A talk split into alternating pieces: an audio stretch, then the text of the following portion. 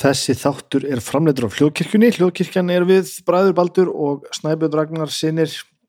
Hljóðkirkjan er kannski eitthvað sem að kalla maður til hlaðvarpstöð saman framleiðu við 6-8 viku í samvinni við alls konar gott fólk.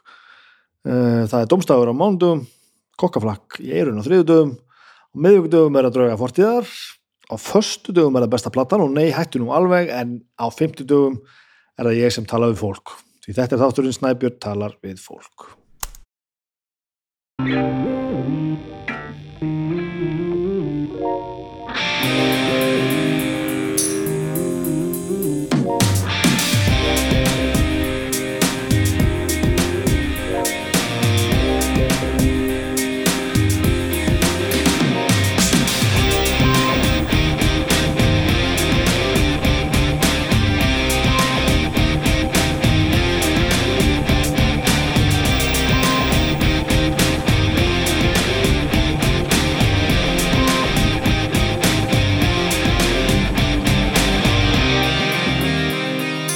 Góðan daginn, kæra fólk. Kæra fólk, velkomin í þáttinn minn eh, Snæbjörn tala við fólk. Ég er Snæbjörn og ég tala við fólk. Þá allt í einu skalla á þetta stór undarlega veður. Ég sitt hérna í eldhúsinu og horfi á út úr gluggan og allt í einu byrjaði að snjóa í gegnum sólskinnið. Þetta, þetta er friki. Mjög gott. Mjög gott og dramatíst Ísland hérna. Hvað er nú, segið þið að frétta?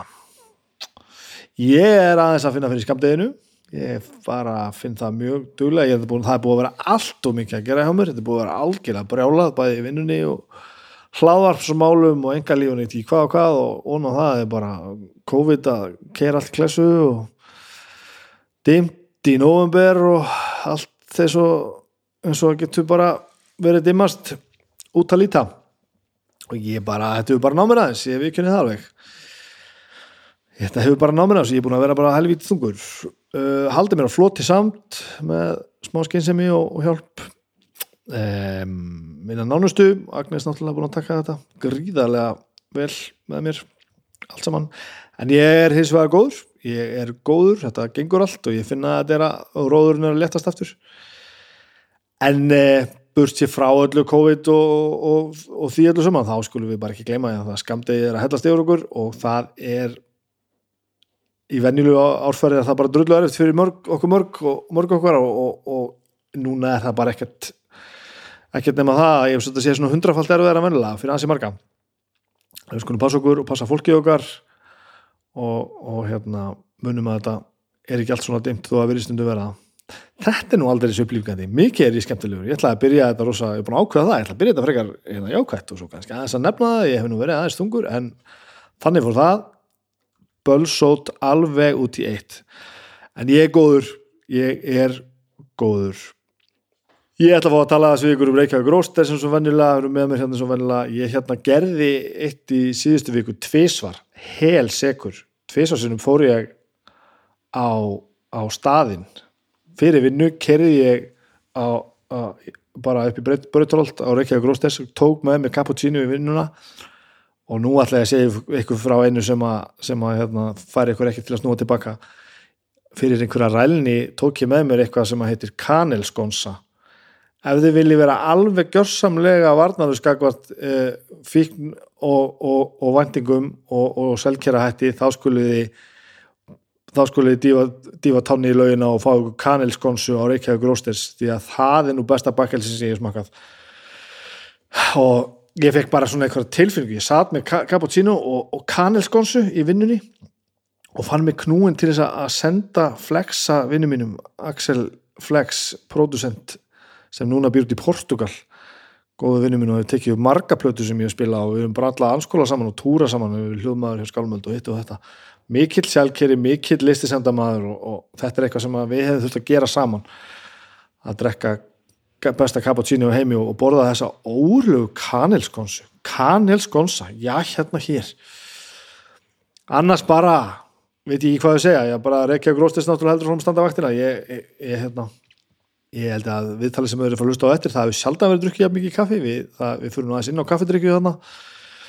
Og það var mikið drukkið af, af, af, ég var með þetta pressukunnu kaffi núna. Pressukanna, Dona Darko gríðarlegt gríðarlegt.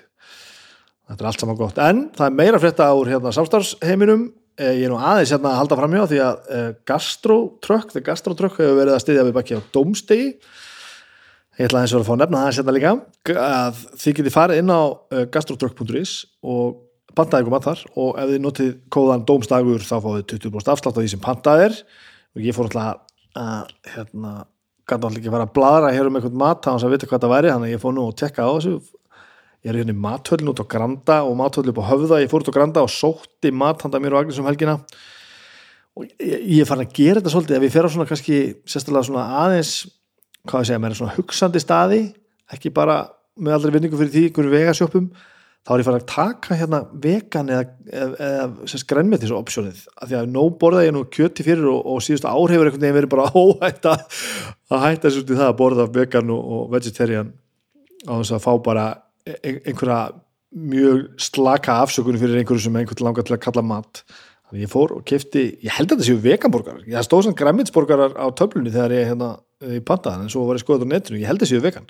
Tveir svo leiðis og bara franskar og gos fór með þetta heim og þetta er grínlaust ævintilega gott, þetta er frábært og það gleði mér svo mikið að séu samstarfsæðala við hljóðkirkina sem, sem að eru í alvörunni hugsaði fólk að gera góða hluti og þetta er alveg ógæðslega skemmtilegt og gefur okkur byrjundu báða vangi við vorum ekki að flýttökur í, í kostunamálum heldur vildum við svona frekar byggja vel undir þetta og fá frekar gott fólk í, í samstofn með okkur það verðist að ganga fullkomlega eftir.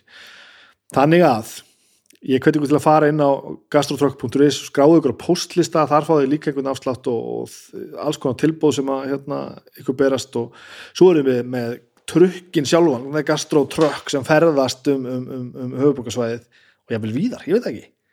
Og hérna það er að fylgast með því bara hvað hann er og, og held ég út nógumber ef þið pantið þá fáið þið fría barnamáltíð með fullónusmáltíð en allavega, munið það líka, þið farið þannig að nota uh, kóðan domstagur, domstagur þá fáið 20% afslott þannig er nú það. Mjög gott allt saman. Síðasti e, þáttur Andrea Jóns. Það er búin að fá alls konar alls konar, alls konar, alls konar viðbröðu því.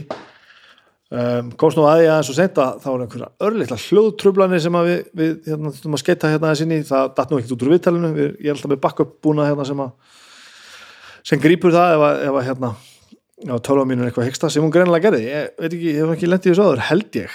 Baldur bendi mér á þetta, þetta þurfti að laga þetta til. Og það byrði ykkur á afsökunar því. Þetta var nú held ég ekki, ekki stórvægilegt. En ég gerði hérna einhverjar tilfæringar í vonan og þetta viðtal sem ég tók í dag sem nú allt saman allt saman eins og það að vera. En mikil viðbrögg það er bara þannig. Og ég er búin að fá alveg ævintýralega mikið af, hérna, af, af posti tölvuposti og Facebook skilabóðum og, og fysikal posti og ég er í hvað hvað. Ég, hérna, ég verða vikuna í allir þessari heila þókus sem ég er búin að vera að díla við hérna, og verkanarstaðan eins og hún er. Að ég, hérna, ég hef bara ekki komist yfir að svara öllu sem að hefur komið inn og ég, ég byrði ykkur afsökunum því. Eh, þið fáið svör, ég lofaði, ég er ekki hérna að ég er ekki að, að, að sniðganga ykkur. Ég bara hef reyðlega ekki haft auka orku eða tíma til þess að svara þessu öllu saman. En þetta kemur allt. Þetta kemur allt þetta er allt aðeins betra. Þetta kemur allt saman. Eh, já, ég verði að fá hérna líka, einmitt senda alls konar eitthvað svona skemmtilegt stöf svona kynningastöf og ég, eins og ég sagði nú held í síðasta þetta og alltaf ég nú bara taka fram strax ég ætla lofa nú engu þegar það kemur að einhverjum plöggmálum hérna en um, okkur hefur nú verið týrætt um, um kynja kvotan innan hljókirkjunar það er náttúrulega nokkuð ljósta þegar kemur á þáttastjórnundum eru við alveg drullusekir og þetta er eitthvað sem við vissum frá upphæfi að villum svo til að við bræður um báður kalkins og þetta er byggt ón á þátt sem var domstæður eh, sem var svona eitthvað vinaprojekt það sem við vorum þrýr að tala saman og svo kannski annan þátt sem var besta platan, það sem við vorum líka þrýr, aðrið þrýr að tala saman og sem voru svona einhver, einhver verkefni, svona hálgir gælu verkefni sem fóru bara stað svona svolítið ó, óhugsað. Og, og þegar maður fer að stað með svoleiðis er maður alltaf bara að gera eitthvað með vinum sínum sem mann finnst gaman. Og byggt á þessu þá gerðist það náttúrulega því miður svolítið þannig að, að, að við hlóðum í kringum okkur kallmönum um, Dómstæður hefum sem betur fyrir fengi eina konu til liðs við sig og, og eftir að villi, villi koma inn með sinn þátt, nei hættu nú alveg þá er náttúrulega annars að það þar en það breytir því ekki að kynja hlutfalli er, er kolránt og, og það skal alveg sagt upp á þetta, við, við hugsaum um þetta daglega og við erum mikið að veltaði fyrir hva, hvernig við getum hérna réttið af og, og þó það gerist ekki 1 og 3 þá, þá er það mjög skýrstefna að, að á x-löngum tíma ætlum við að rétta þetta alveg af, að því sögðu höfum við líka við passaðum mikið í sambandi við um, eins og ég í sambandi við viðmælendur að hafa kynja hlut, hlutföllu jöfn ég heldur endur að hallinu á kallmennina akkurat núna þegar þetta er talað. En ég bara tók þá ákvörðu frá upphafi að hafa hafa þetta 50-50 en bara á þetta að vera 50-50 það er mjög hérna uh, mjög eðlilegt. Og í, í, á þessum nótum þá langar mér að tala um bók sem er bart hérna bara í lúuna þetta er bók sem heitir Íslands dætur og er nýkomin út. Og það er Nína Björk Jónsdóttir sem skrifar þetta, tekur þetta saman. Þetta er hérna Þetta er alveg hérna, hérna stendur aftan á í Íslands dætrum er sögð saga rúmlega 40 framhúsgarandi hvenna sem spanna tíman allt frá upphafi byggður á Íslandi til dagsins í dag. Konundar eru jafn ólíkar og eru margar, sumar eru þekktar fyrir hugreikki og staðfestu eða fyrir að hafa upplifað ótrúlegar þregraunir og tekist á við þær af seglu áraðni. Þetta eru semst bara alls konar konur, meirinn 40 konur, eh, stuttu textið um hverja, hvennar þær voru uppi, sumar eru ennþá lifandi, þetta er svona tímaröð tíma, þetta byrjar sko með auður djúbúðga er sko fyrsta og Hallvið Fróðardóttir Þorgjörður Brák, hérna erum við bara fyrir þúsund og svo förum við hérna í gennum tíðina uh, Guðnum Símanandóttir hérna kringu 1600 Látra Björg og Fjalla Halla hérna upp úr 1700 og áfram höldu við inn í nútíman og það eru náttúrulega fleiri þar Bríð Bjarni hérna uh, á 19. öld og, og Jórum Viðar hérna upp úr, upp úr þar síðustu aldamótum 1900 og svo bara Vigdís Fimboa, Guðrún Helgadóttir Jóhanna Sigur, Sigurdóttir Björk erum komið hingað, Katta Jakobs Vilborgarna Hildur Guðuna og alls konar. Nú er ég bara að stikla hérna á algjörlega stóru þetta er bara svo stuttir nýttmiðaði tekstar, tekstar það sem er bara að vera að tala um konur. Bara ein síða fyrir hverja konu allt óhemju vel og fallega framsett og einhvern veginn svo indislega reyn aðgerð, það er ekkert verið að, að skrýða þetta eitthvað með einhverju svona einhver, einhverju flækjum, heldur bara að vera að ta tala um það sem konur og hvað merkilegar konur hafa gert vel. Og ég held að fyrir okkur öll sem að, eins og fyrir okkur sem að eigum dætur að, þetta er bók sem við höfum að kaupa og bara lesa eina síðu dag sko, þetta er alveg, þetta er útrúlega magnað. Eða uh, og þetta er bara fallega framsett og glæsilegt og bara til með þessa bók Nína Björk, hún er bara, þetta er frábært. Þessi einfallegi er að glæða mér gríðarlega mikið. Þar af við það nú. Íslands dætur, út í búð, út í búð kaupa bók. Þess að ég takki það nú algjörlega fram að þetta er ekki uh, þetta, þetta var ekki hérna, sponsað á nokkur nátt, þetta er bara ég að bendi ykkur á eitthvað sem mér þykir afar áhugavert.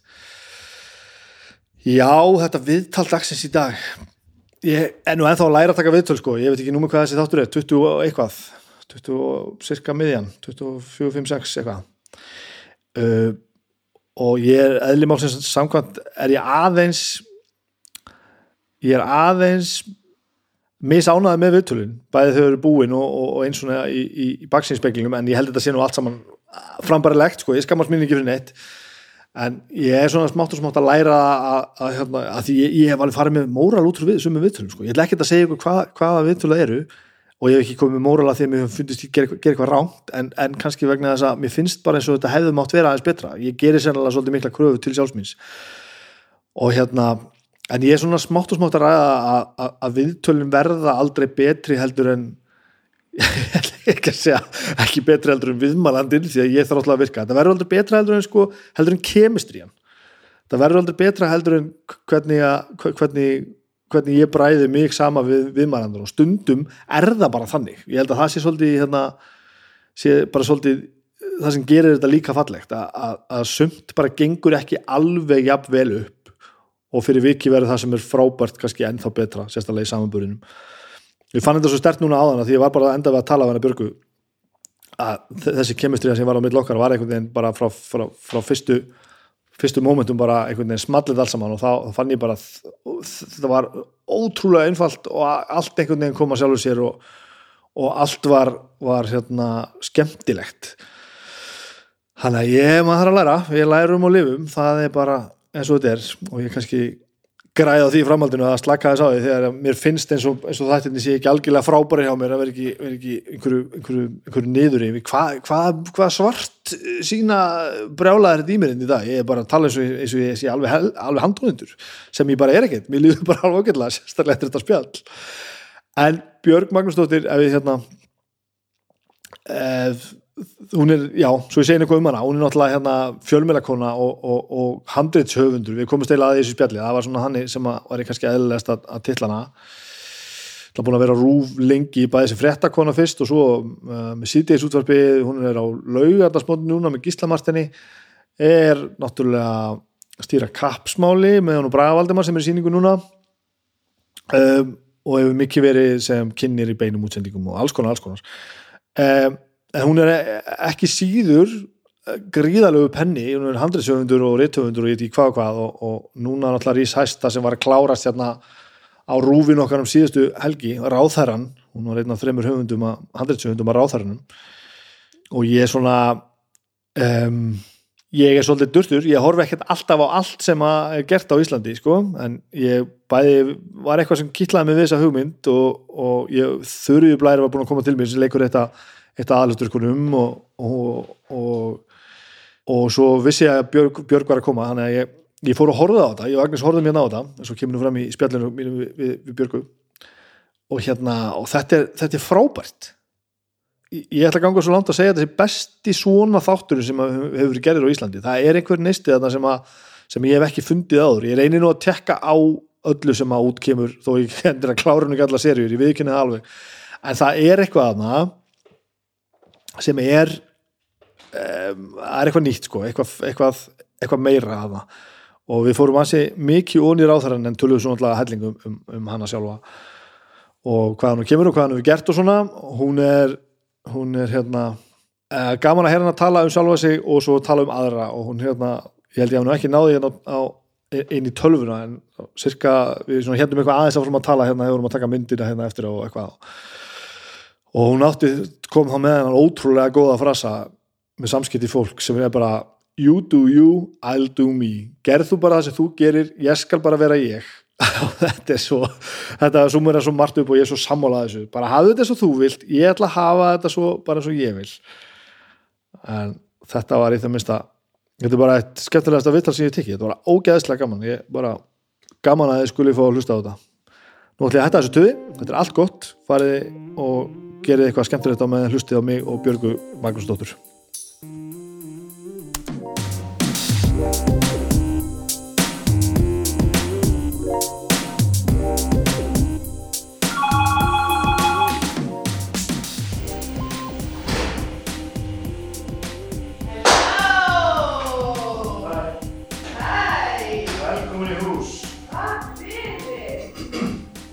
Já, ég ætla ekki að kenna þér að tala í mikrofón, þú kantar alveg Já, já, en pródusentin bróður minn bara verist nálægt og hægt er já, nákvæmlega. Og svo það er skammar hann mig alltaf af því að ég, ég byrja alltaf að segja eitthvað við gestina sko. Já, og svo ég alltaf vandamálega því ég er alltaf að segja einhverja sögur hérna já, já, já, já, já. Tengi við það Tengi við það. Var ég búin að segja þér að ég búið með COVID? Býtu, fegstu COVID? já, Já, ok. varstu ekki, var, býtu, hvenær feg, var það ekki sumar bara eitthvað? Nei, það var bara alveg februar sko. Bara svona Einmitt, já, þegar komst í kappsmál Mér minnur að hafa verið já, að var tala þetta. um búið þá, já, já, já, akkurat já. En býtu, og hvað, hérna, engin eftirköst eða Nei, við erum ekkert? ótrúlega góð sko. Já, fenguð öll? Við vitum ekki með krakkana, það er ekkert mælt sko. Guð, herri, má ég fá mér það? Fá kaffi, alveg bara endilega. Ó, það sjá ég er svo mikið kaffekelling Býttu Hérna- bara, þetta er gott sko. Er það? Já, Herðu, en býtu, fegstu COVID, veistu hvernig eða? Við höldum að við höfum fengið til London Ok, En þú veist, þetta var bara einhver, einhver veik í Kína þegar við vorum veik sko. akkurat Þannig að við, á meðan við vorum veik þá, Akkurat. þú veist við hugsuðum aldrei um eitthvað COVID sko. nei Þetta nei. hét svona eitthvað, það var eitthvað veikja einhver, að ganga hann að hét COVID-19 sko. Og svo erum við Ó, örgla nice. sko, við höfum örgla verið sko, búin að vera friski í sko, alltaf halva mánuð þá eitthvað, kom eitthvað fréttum bara hérna. Ah, já, hérna einkenni hérna missa bræð og lyktarskinn og við bara bara það var bara ok. Tengi. Og þá var panik ástand sko. Þannig að við höfum, ok, okay, veist, sorry. höfum samband og bara, þú veist, f- förum við ekki eitthvað tjekk eða, eða eitthvað, og þeir eru búin Já, og það er ekkert pláss fyrir ykkur á spítalunum núna, það er brálega að gera, verið bara heima sko. Það var ekki fyrir bara alltaf sér ekki svona, kannski tveir mánuði síðan að þá var bara að fara að bjóða bara svona mótefnumælingu, já, akkurat. Hann sem bara dreigur í blóð og, og, og enga geirinn sko, skilaði því skilaði því bara ég fór bara að borgaði fjögur skall Já, og, átta myndum setna bara, ja, og það var í alvörni þannig sko. við fórum inn sko ég bara, að þetta var svo, svo brjálæðislegt. Við fórum inn á Dómus Metingan kl. 10 borguðum fjögur eitthvað, eitthvað kæft og ég fekk e-mail kl. halv eitt. Já, akkurat. svona, Já, já, ok. þetta er skilvirkni. Þetta virkar eitthvað öðruvísi sko. Og þá Já, var það bara, já, já. þú er bara með mótefni við COVID sko. Ok, geggjað. Þannig að ég get ekki smitta þig og þú ekki Djöfull mig heppin, já, já, takk fyrir það, takk. Nei, alvörni, sko. Maður veit ekki alveg hvert þetta er að fara. Nei, nei, maður ætla að vera að passa okkur. en það er Já. líka eitt sko, ég vil líka halda hún að passa mig af því að þú veist, Já, já, veist, ég er búin að spritta mig núna og sótris allt í kringum okkur hérna. Akkurat, því að þú ert að koma inn og þú, veist, ef að þú veist ef ég ber eitthvað með mér á skilur, Já, það er, það er málið, sko. Og þegar maður er búinn allavega svona, svona sveimhug eins og ég sko Já, þú veist, þegar að þegar triggerinn er, er, er búið að flikka hérna róðanum í haustum á manni bara, þá bara svona, já þú getur ekki hérna, þú smittar ekki, þú fær ekki COVID þá bara svona þarf, þarf fáið en ég bara sóttreysað á þér fucking hendina sko. akkurat. Ekki, ekki veist, Ég veit það, þannig að og, þe- og svo, það, nákvæmlega. svo það maður stundum ég við ekki alveg sko, stundum þarf ég alveg að anda djúft þú veist, Já, ég ætla að fyrir grími í strætó skilur, ég fyrir alltaf með strætó. Já eh, hún gerir ekkert sko Nei, en þetta er svona, þetta, þetta er málið sko, Já, þetta er málið. hegðun, þú veist að því að ef þú ert ekki með grímu, þá fara aðrir að svona stressast upp og Já, og ég, mér, í, í alvörunni þegar ástandið er svona, sko, helmingurinn af þessu ástandi núna er sálar ástand fólk, sko. 100% Jú, fólk veikist og þarf að, þú veist, missir vinnuna og, og, og, og fólk er jafnvel að deyja á þetta allt saman, sko. En bara fólki sem er ekki beinlínis verður fyrir áhrifum af COVID, sko. algjörlega Fólki, og ég finn það bara sjálfuð mig, sko. Ég, ég er alveg, ég, veist, ég þarf alveg að passa mig svona, svona, svona geðslega síðan, sko. Maður finnur bara á sjálfum sér og öllum öðrum að þráðurinn er stittri það er bara svona, maður er bara svona einhvern veginn, þú veist, ég veit ekki, maður bara svona mér er bara meiri þingsli, bara Mhm. svona þetta er einhvern veginn, þú veist, og núna erum við líka að sigla inn í þennan árstíma, bara dimmasta part ársins, Bara nákvæmlega það, sko. þú veist, ég bara þú veist, bara tengi feitt, sko. Já. bara algjörlega. Og svo fann maður þetta að koma aftur já, sko, ég veit önnu þú veist, við vorum eitthvað sem ekki búin að vinna sko, Já. svo bara, nei, við, við ráðum ekki til þetta maður. Ég veit það. I know. Þannig að, já, það er sumt að þessu er gott sko, það er gott að vera búin um það, þú veist, og einhvern veginn að vera svona pínu sloppin sko, Aha. en, en þú veist, það er margt annað sko, já, já, það er bara þannig. Herðu, bara, við þurfum að byrja á því að tala um, Já. tala um ráðherran sko. Já. Ertu búin að setja í gang? já, þetta er allt, við erum búin að Ó. fara frá því að, frá því að ég börsaði þið inn sko. Nú, ok. Já, Ok, það er töfs, það er töfs Já, gott.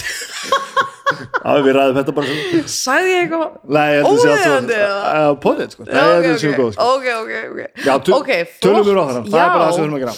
Já, skál, herra, og takk fyrir mjög gott kaffi Já, Reykjavík Rósters Ógisla næs. Það, já. ertu komið product place Já, bara totally, sko.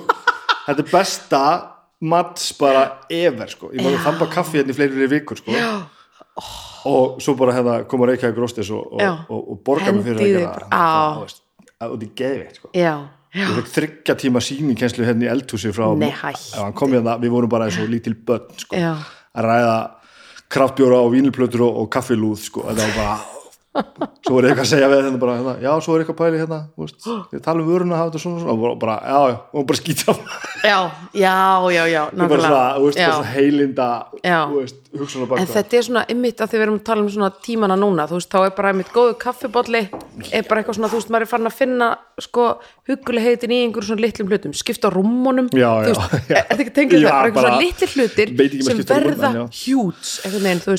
Hjúts, einhvern veginn, þú veist, skipta rúmmunu góðu kaffibolli og bara eitthvað svona, þú veist, já, maður er svona virkilega farin að finna bara svona gæði í litlu hlutunum og gleði í litlu hlutunum. Ertu ekki líka bara eldast, sko Jú, sannarlega. Þú ert svolítið bara að líka tala um það sem að, sem að ég er bara svona í einhverjum fasa búin að fækja um síðust ár, sko já, já. Þú veist, ég er ekki vínilplötur lúði af því að sondið er svo gott einmitt, einmitt heldur að eru um litlu hlutinni sko, taka plötuna og henni í ríki og setja henni á og eitthvað svona Við náttúrulega tölum um flóð og fjöru í svona tími gráð sko. já, við erum á, við erum á nákvæmlega það saman er líka rosalega miðaldra Nei, ég finn þetta líka því, ég farin að hafa miklu mér áhuga veðrinu já, Þú veist, ég er bara svona aktíft, já, hvernig er það nú í dag? Já, er spáð skúr hérna? Ok, þá ætlum ég að hérna ég er bara engan áhuga þessu sko. Er það? Ná, ég, Samt ertu, þú veist, þingaengur já, ég veit ekki þetta, þetta hérna veður og, og fréttatímar mm. þetta tvent hefur bara aldrei náð mér sko. Ég einhvern veginn bara hvað er í Já. mér er ekkert sama ef eitthvað stórt er að frétta Já, og, og, og mér finnst landin skemmtilegur Já, já. þannig fréttir sem er Já. eitthvað þú veist að gera Já, mannlegt og sögur sögur einmitt, sko. en einhverja fréttir um að hafa verið, að skipta um einhvern aðstofmann í einhverju ráðunni ég fæ bara já, einmitt, ég er svolítið sammála. En svo sá maður að samt rosalega núna á síðustu dögum og vikum út af fórsetakostningunum, þá verða fréttir allt í einu svona rosalega stór partur af allavega mínu lífi. Já. þá er maður bara að býða maður er bara svona, þú veist, hvað hvað er að gerast, þú veist, er annar fundur á dekkjaverkstæðinu þannig Já. Four Seasons Total eða þú veist, hvað er að gerast? Hvaða showdown, hvaða partur af showdowninu er í gangi núna en, en ég til dæmis rífressaði ekki mikið yfir þessar kostningar í alvöru ég veit bara að einhver segir mig bara þegar, þegar kemur nýr fósiti sko. Já, já, já, já, já, nákvæmlega Þa, það er, ég hef líka prófað þetta því ég hef tekið svona fréttafrí og bara svona uh, bara fundist þetta ógislega pyrrandi og leðilegt og neikvætt Fréttafrí? Fréttafrí, já Heyrðu, og þá, jú, þessi kenning stendst þegar það er eitthvað svona stórmerkilegt það berst manni til eyrna. Stundum gerist það svona svolítið seint og eitthvað svona, en ég hef með svona smá reglu þú veist, þegar svona tveir vini mínu sem ég treyst eru búin að nefna eitthvað svona, þú verður að sjá þetta þú verður að tjekka þessu, þetta var gerist eitthvað svona þá tjekka ég á því, skilur -hmm. en þannig að mér finnst svona gæðaefni svona berst manni að lokum. Mér finnst það allavega svona reynslan, stórfréttir og gæðaefni. Sko ég opna fréttamiluna sko. Já, bara urla alveg bara þreysor dag eða eitthvað já, en það er bara svona létt skann sko já hvort það er nokkuð komið búið, er nokkuð byrjað að gjósa sko Já.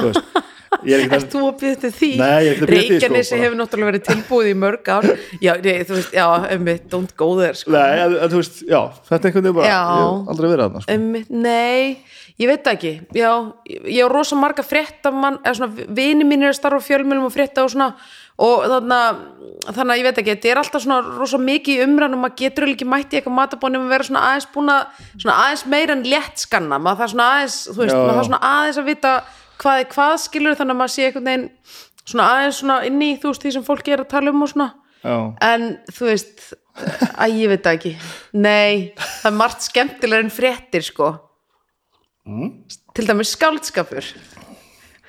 Það var þetta segvei já, Varst að færa okkur yfir í næsta vonum ég er sko enn að jafnum á því að það er bara kveikt á mækunum og svona lengi Já, við þurfum, ég, ég bara nei, við- mér, mér er drull, Það er mér finnst það bara fyndið Já. já, ég var ekki búin að fatta það mér finnst að fá fjölmjöla fólkið inn oft af því að Þetta er svo Já. allt annað einhvern veginn já, ummitt En ég prófa bæði og, og við tulum fara yfirleitt betur á stað ef að það er bara kveikt á þessu sko. Ég sagði þess að þetta náðan Einmitt. að ég verið búin að kveikja sko. Þú er bara ekki, það? er ekki meðtíkja sko. ok, já, já, já, já að því vil heldur ekki að fólk sé að bladra skilur með, með op, Nei, það, nei, það er dónulegt sko. já, já, já, já, þú kannt þig. Já, það væri svakalega ljótt sko. og bara ólulegt þú voru að reyna eitthvað svona undercover kveikstæmi eitthvað svona ég, nei, ég gerði það að fólk stígur undir hann ég er bara búin að bara- kveik- ég já, bara búin að kveikja með einhvernum og við erum bara tilbúin sko. svo kannski tekum við eitthvað spjall skilur sem svo keirt út sko, mögulega styrt, baldur styrtur út af en nei, ég er ekki að fara að láta fólk tala hérna þannig að þetta var óvart Þetta var bara fyndið. Þetta var bara fyndið. Já, skálskapu svo Við erum að, eftir að tala meira, meira um veðrið en það kemur úrlega eftir sko. Já, bóta það eftir. Tölum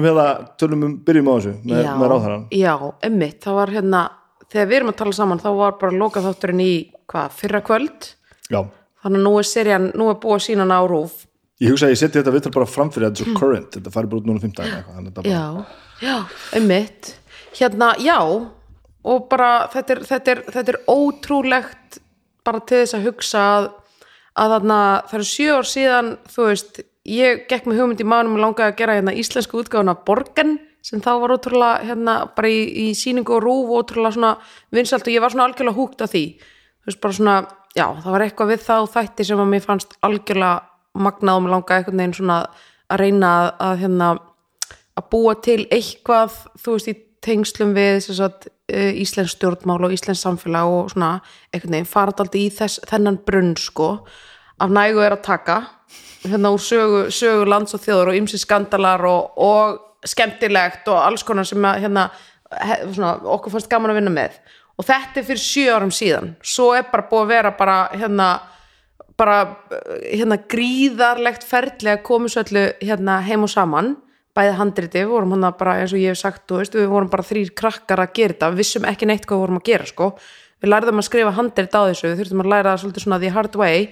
Og hittum fyrir bara allar brekkur held ég sem hún getur í þessum bransa. Og höfundaherbergi eru svolítið viðkvæmt hérna, hvað segir maður, konsept eða hérna því þar ertu bara að sitja bara inni með einhverju fólki, ógeðslega marga klukkutíma og ert bara að takast á um bara hugmyndir. Hvert er sagan að fara, hver er þessi karakter? Hvað heitir hann, hvað hann að gera hérna? Hvernig ætlum við að enda með hann, hvernig hefur þá að byrja með hann? Og allt þetta skilur, þetta er bara svona miljón, trilljón spurningar. Og hérna og svo er bara svo ótrúlega fyrirlega tilfinning að bara, þetta var bara fjármagnað fekk greenlight, búið að selja þetta við um heim og nú er þetta bara búið í síningu á rúf þetta er bara svona hú, hú, hú, bara þú veist. En va- var, var þetta sett alltaf góð? Frá því að hugmyndin var Nei, það er það nú bara sjaldnast. Þetta er ótrúlega fyrðuleg bransu upp á það að gera. Þú veist, við höfum til dæmis bara nýlega dæmi um það þar sem að verkefni, það var búið að fjármagnaða að fullu og selja og tökur voru að Já, hefjast, svo er bara einn hérna erlendu fjárfesti sem kippir út bara þarna, þú veist, bara nokkrum dögum áður en að tökur að hefjast. Þá fellur bara hérna spilaborgin algjörlega um, um sjálfa sig þannig að þú veist, grænaljósið þannig að við þýðum, þýðum það, það.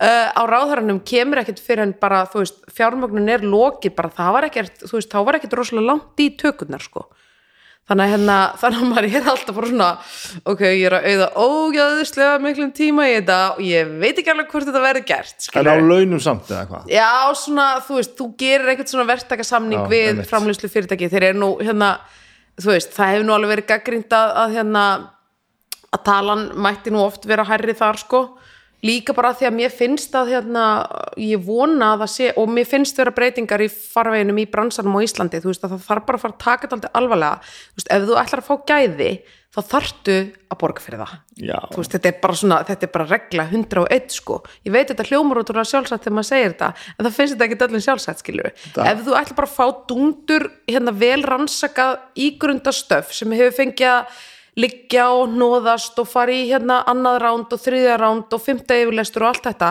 þá verður bara að vera tilbúin að borga fyrir það, þú veist, ef þú hendir heru, hendum hérna í handrið, þú veist, á þrem mánum það verður ekki gott. Það, það, er, það, er, það þarf eitthvað mjög, mjög, mjög mikið til og mjög mikla hefni til að þannig handrit og þannig saga verði bara frábær, skilur það tekur bara tíma. Það gerir það sko. Já, það er eitthvað líka mjög undarlegt orðið við þetta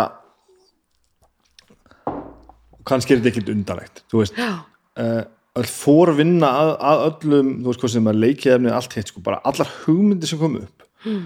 það er magnað hvað er þetta að fara lengi fram á það að þú vinnir að hugmyndinni upp á ekki neitt með ekkert lofur um að eitthvað verið úrinni sko. ég gerði þetta mjög lengi fram á það sko. satt einhverja fucking fundi með einhverjum Já. á einhverju skrifstofu einhver staðar já í auglýsingabransanum mennur Nei, ég bara í kreatífabransanum bara, veist, bara skrifandi fyrir sjónvarp og leikus og hitt og þetta sko, og, bara, og, og, og fleiri hugmyndir, bara alls konar hugmyndir. Já, og, og sko fundunum er alltaf slitið bara, já, okkur líst bara nokkuð við á þetta. Tökum þetta aðeins lengra og hittum svo eftir mánuð og svo ferðu heim til og tekur þetta aðeins lengra á þessum mánuði fyrir ekki neitt það. literally ekkert sko. einmitt. ferðu á næsta fund já, og hann er alveg eins. Mhm. og svo er gengur þetta lengur og lengur og lengur, lengur. Mm þannig að þú ert, þú veist, komum með bara ansi full- fullmóta konsept og þá bara við sjáum ekki fyrir okkur að koma þessu fyrir núna en takk fyrir að tala við okkur. Og bara, Nei. herðu, fokkaðu þér. Já bara royally. Já. bara núna.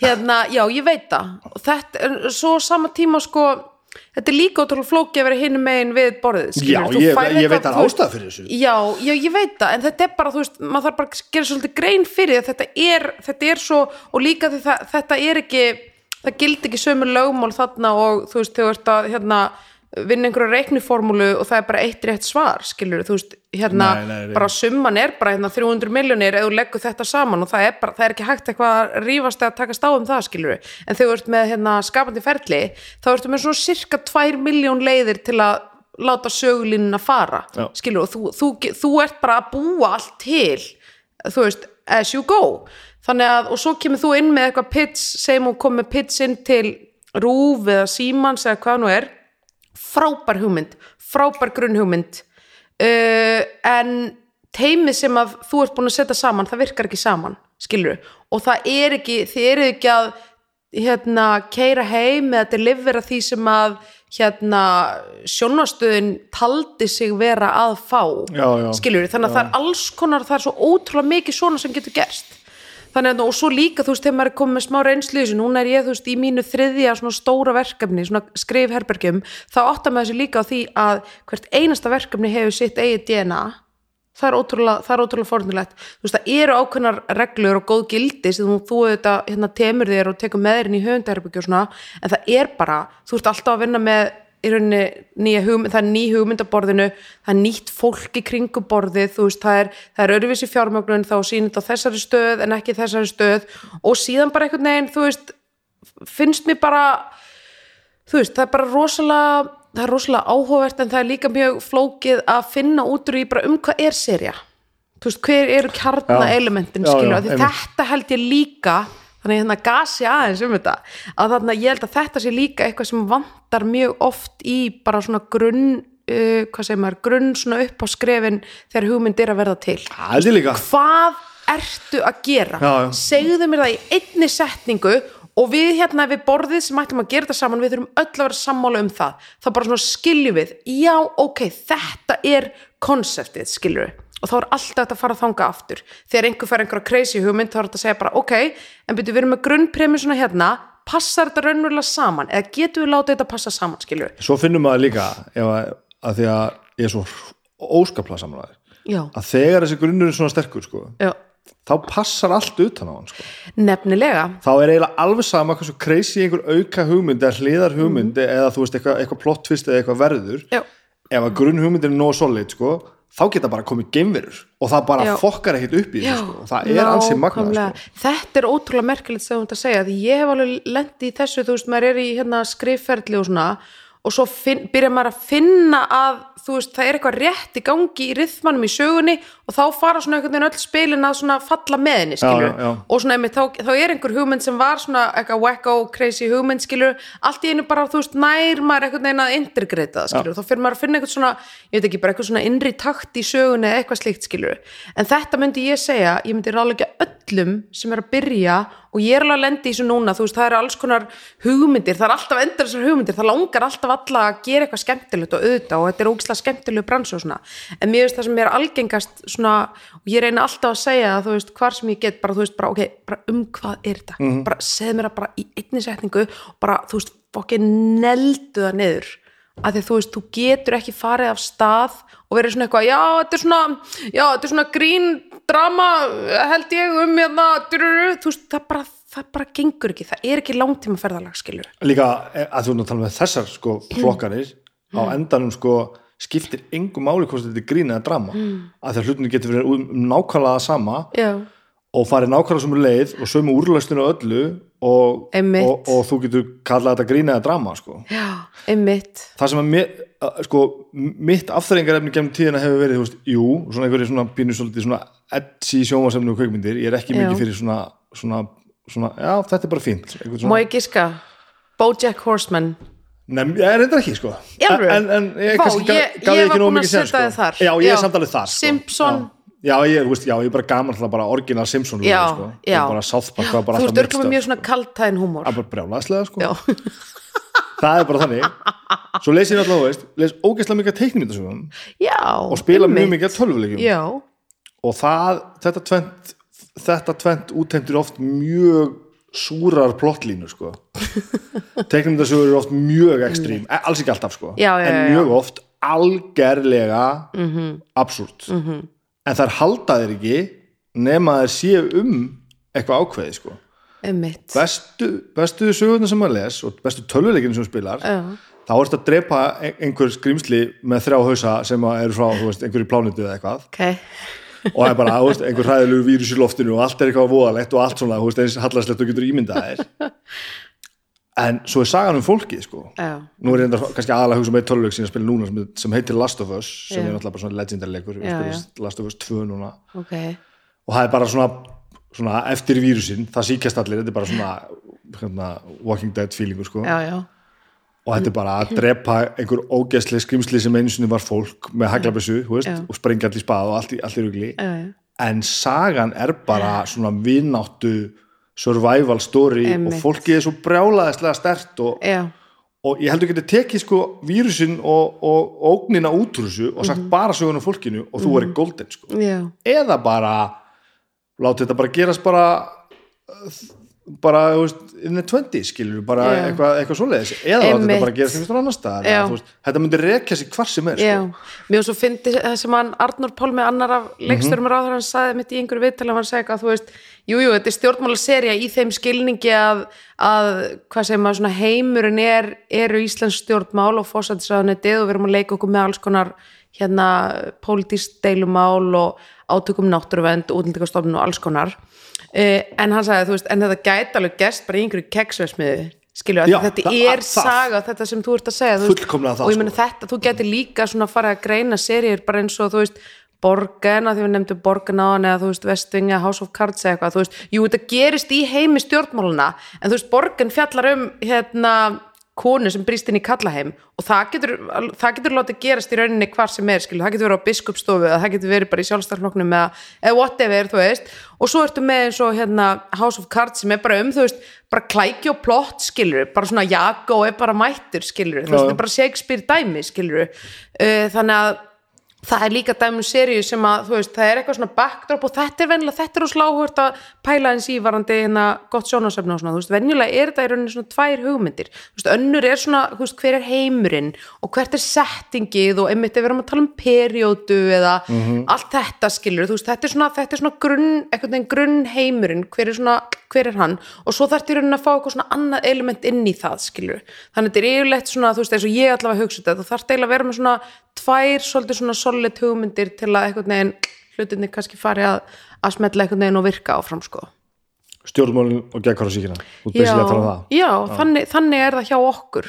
Þú veist, við setjum þetta í þennan heim og þá á sama tíma tökum við ákvörðun um að, að búa til hérna hlýðarveruleika bara eitthvað svona dystopista ástand með við hérna Íslands stjórnmál uh, og við ákveðum mjög snemma að nýta okkur fá svona innblástur úr bara hérna stjórnmálusögun okkar, ég meina við nefnum þú veist, Jónas frá Hriblu alveg sem, sem reffa og inspirasjón skilur. Þarna geðlæknismáli þegar hann var rekandi yfir læknin á já, kleppi já, já. og þú veist, það, það, var al, það algjört bíó að lesa um þann mann sko. Gríðarlega litriku stjórnmálumæður og hérna Er þetta svo frasi sem nota þess að, lýsa ykkur brjálæðingum? Já, finnst þetta ekki litríkur stjórnmálamæður finnst þetta ekki svona temmilega svona PC-legt Jó, þetta, þetta var ræði bolla sem ég er að vinna með strákur sem er að vinna með sem er ógæst Æru, hann leki lokaðættinum, hann er löggan þegar þyrlan lendir. Ok, nice. ei, bolli, sjátt þetta bolla. Eða, djöfull var hann góður þessi botni hann var átti með þess að línu og allt sko. já, flott. Og hérna hvað var ég að segja? Já, já, hann var að segja að ég, ég mun ekki geta pikkað eitthvað svona upp. Ég hef jafn mikið landrinsbreytt og þú sko. Þegar þetta var svona pési sko í jarðafurum Já. Já. þegar þetta segja sko, já, mikill vinu vinna sinna. Þá, þá var eitthvað mikið að ah, eða Óli var alltaf mjög góð við hann að mömmu sína þá var eitthvað mikið að já, nákvæmlega. svipu aðferði svo að segja ykkur hafi verið litríku stjórnmálumæður já, þetta var, var fokking brjálæðingur já, var- þú svona ert að segja svolítið mikið hérna með því sko. Ef þú þarft að segja hann með vinu vinna sinna þá er lítið annað um að tala. Já það er agalegt, ég hef alveg oft fengið svona kvíðakast breyðið bara ok, þú veist, ef ég dey bara fyrir aldur fram bara þú veist, hvað mun fólk eiginlega segja skilur, bara svona, bara svona uh, skilur, að því þú veist maður, maður óttast alveg að það verði eitthvað svona skilur, einmitt. Já, ótrúlega hérna já, ótrúlega, þú veist, ég veit ekki mikil vinkona vinkvenna sinna, skilur já, já, það var nú kannski meira að meina að Óli hefði nú bara ekki verið góð maður sko. Já, meina. Ef hann var vinu vinna sinna sko, þá, þá, þá var eitthvað annað að sko. Svo er, svo er reyndar það er mjög fyndið að lesa minningagreinar bara með allri virðingu þarna sem er einmitt bara svona fólk er greinilega bara einhverjum assholes Já, sem eru tala um frá. Já. já, nákvæmlega, ok sko ég var nefnilega að fá mig kaffi. Já, ég var eitthvað að hugsa um það og var eitthvað svona náði ekki alveg, já, en það, það og fólk er eitthvað svona, þú veist, maður finnur bara í textan bara, ok, þú fucking hata þennan gæja, þú veist, hvað er þetta að skrifa minningagrein, svo mjög gott sko. fór ég, mitt, ég, fór í, ég er að fara hjá ömmu minn og afa sko, stuttum millibili sko. Og afi, var alltaf bara það að hefur verið að tala í svona fimm tíma sko, ægilega gaman og ægilega spelli kalla og alltaf. Já, og amma þessi, þú veist þessi frábæra kona sem hún var sko. Það var bara rembingur að fylla upp í 20 mínúta sko. Nei. Jú, ég meina hvað voru konur að gera þarna? Oh það var ekkert að frétta, Já. hún var bara heima Bara að sjá til þess að allir aðrir getur gert það sem þau voru að gera og þú veist, töff sétt, en það var þannig sko. Já, þetta er bara því miður heimur bara það, mjög lengi framan á. Og það er ekkit rosalega langt sennum en þetta er amma þín. Sama upp á teiningnum í minni fjölskyldu skilju og maður hugsaði mitt oft til þessara kvenna bara, þú veist, vá, ef ég hefði verið fætt hérna tveimur kynsluðum fyrr ég hefði bara ekki geta gert neitt af því sem ég er að gera. Ég hefði ekki fengið að fara í háskólanám ég hefði bara verið komið einhver sjö börn núna, bara þú veist, örglega þunglind og, og félítil og, og með brosna drauma og allt þetta. Já, með alla pressuna um að láta allt ganga upp sem aðrir eru að gera. Agalegt. það er svakalega það er agalegt Förum aftur yfir ráðherra, við megum já, ekki fara ég veit að Ég hefða, Já. ég lendi, lendi í einu, ég fatt, fattaði eitt núna sko. Mm. Ég horfði á, ég byrjaði ekki fyrir síðustu viku. Já, og, og bindsaði já, fyrstu sjö þættina. Hámhorðir. Hám horfði á það er er það, er það orðið official og hérna og ég hafði enga eirn til þess að býða eftir sjónvarsefni ég átti eitt þátt eftir sko. Já, og ég fattaði bara, ég horfi aldrei á línulega dagská aldrei, ég kveiki náttúrulega aldrei á sjónvarpinu sko. Nei, nei. ég kveiki aldrei á línulega dagská akkurat, já. Og þetta var bara, þetta var bara pínu átak sko. Já, pínu bíða. gaman, þú veist, á pínu gaman ég ekki, en, en samt ég var bara ok, þetta er bara, já, þetta er agalegt sko. Ég vil bara fá átta klukkutíma bíómynd. Já. ég vil ekkert eitthvað býða nei, ég veit það, en manstu líka ég, ég man svo rosalega vel eftir þessu hérna, Game of Thrones. Þú veist, þá kom bara allavega fyrst um sinn þá kom bara, þú veist, einn þáttur á viku. Já, já. og maður þarf að með að býða en svo, maður hefur ekki gott að fá allt sem maður vill, sko. Nei, þegar maður það, veit það þetta er rosa fínt. Og ég held að þetta sé bara svona eh, bara smá æfing í því að, að hérna, þjálfa, þjálfa þann hæfuleika aðeins upp hjá okkur. Að super kröfuhart, skilur það bara einmitt vill bara fá allt, þú veist á einu bretti, en þetta er náttúrulega í línulegri og ég meni, ég veit alveg um marga sem voru að býða til síðast þættunum til að geta einmitt bara gliftið í sig, skilur já.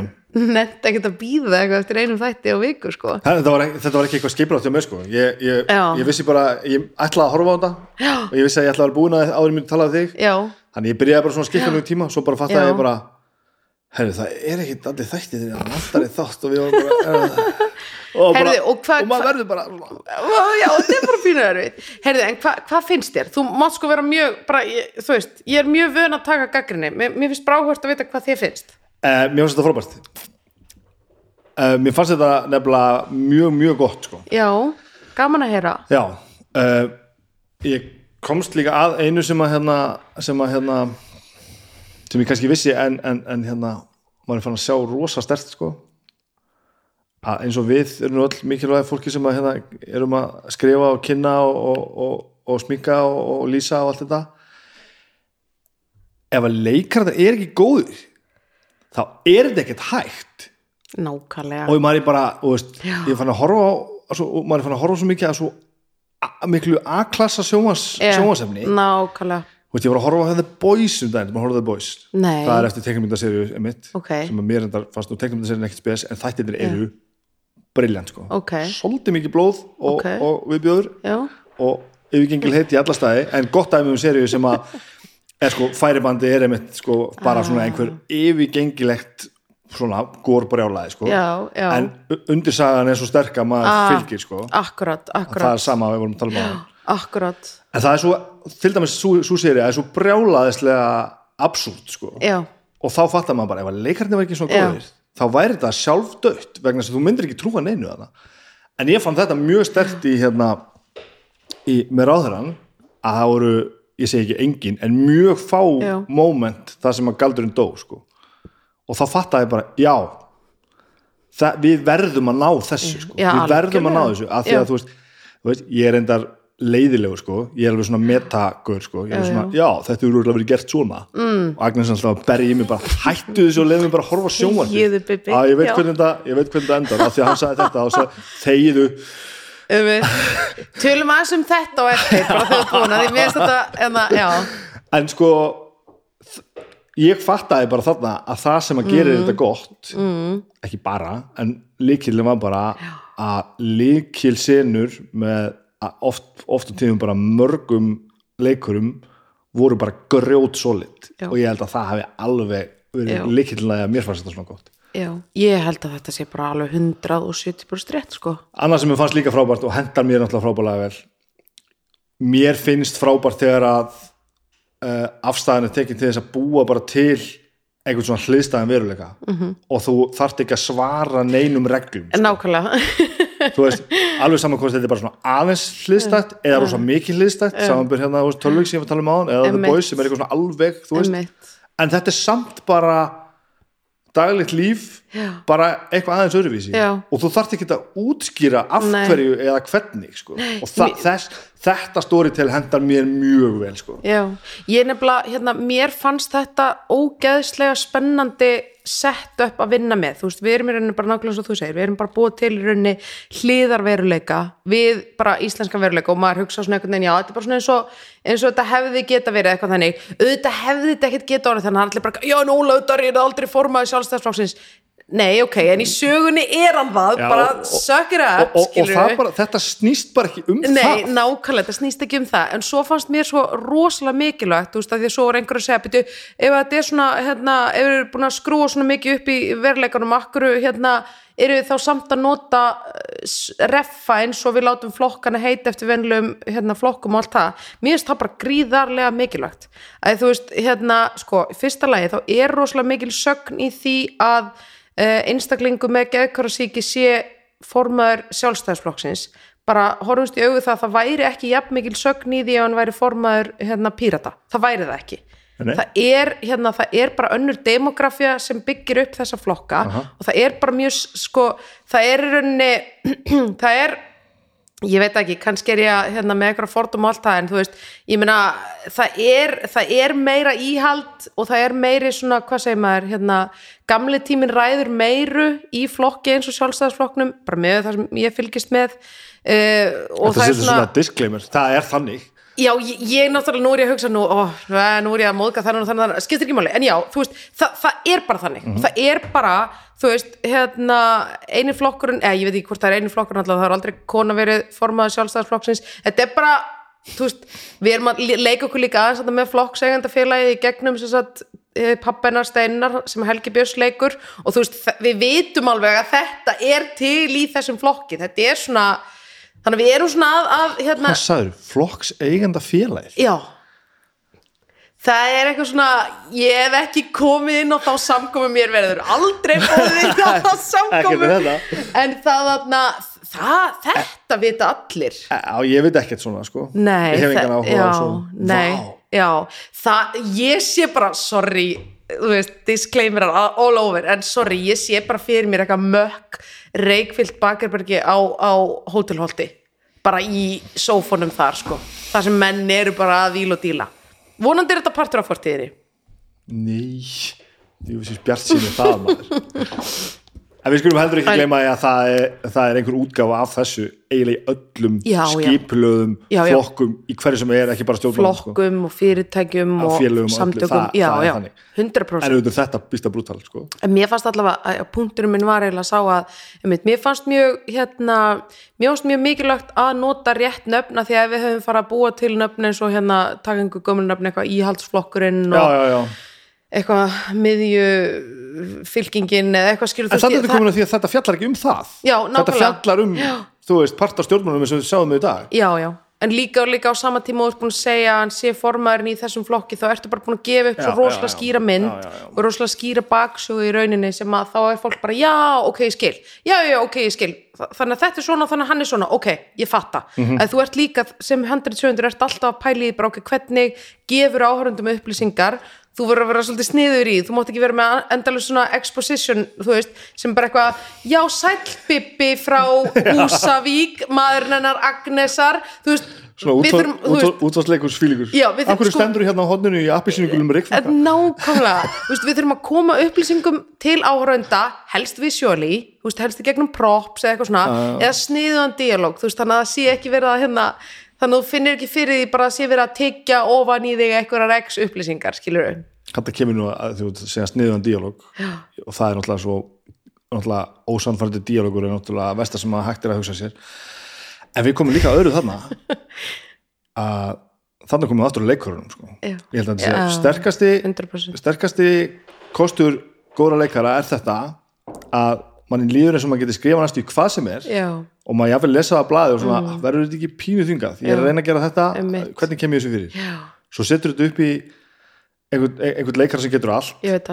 Og maður bara, já ok, þetta virkaði Já, bara það bara virkar. Og Og, bara þau hva- kannski breyta einhverju einu orðið að setja komin annar staðar og Já, það bara svona, og allt í er bara- bara já, komið. já, herðu, holy shit. Já, þannig að þetta er ekki bara það held ég að handritin hafi alltaf verið verið ósamfærandi sko. nei, nei, nei, nei, nei, nei, það er svo mikið að tala talað um um það. sko, a, við ættum bara sviðsleikara og b, handritin væru og stíf sko. Já, ég mani til þessar umræðu mjög, hún fór mjög hátt sko. Já, já, en svo hérna verðum við líka aðeins að skoða bara með þróunina í þessum tiltekna geira sí- allra síðustu árum. Það hefur náttúrulega gerst bara rosalega mikið. Já. Þú veist, bæði allar þessar streymisveitur og þú veist, miðlunar leiðirnar eru bara til staðar inn á hverju einasta heimili.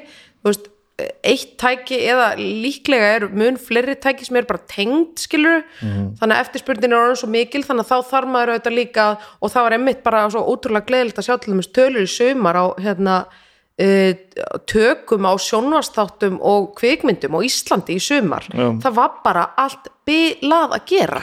Þú veist það var bara á krúin okkar þetta fáralega flotta fagfólk sem er að einmitt, sminka, hljóð, búningar, leikmynd þú veist, þetta er bara svona gríðarlega mikilvægt nú eru þau í miklu betri þjálfun að þau bara eru, þú veist, Já. Hérna fyrir tíu árum þá var kannski bara, þú veist, tvær seríur á ári og, og síðan varst þú bara, þú veist, að afgreiði blómabúð eða kenna, kenna upp í háskóla eða whatever, skilur, en núna það er bara mun meira að gera, þannig að þú veist, þá helst fólk meira í þjálfun og það er bara miklu meira og nánar samtali gangi einhvern veginn stanslust, þannig að maður svona ég held að sé bara rosalega, það er mjög margt spennandi og mjög margt gott og ég held að það uppi líka gæðin, þú veist, já, þú veist og bara um mitt, við sjáum það bara. Þú veist, það er verið að selja íslensk efni mjög víða og, og svona, þetta er orðið bara svona við erum farin að taka þetta svolítið alvarlega sem bara þjóð og það er ánægilegt sko. Það sem að svo tölum meira bara beint um ráðherran það var líka annað sem að mér hendaði mér þarna sko og mér finnst skemmtilegt. Ég nenn ekki ég, ég nenn ekki ég nenn ekkert ófært skilur svo ég segi þetta bara út.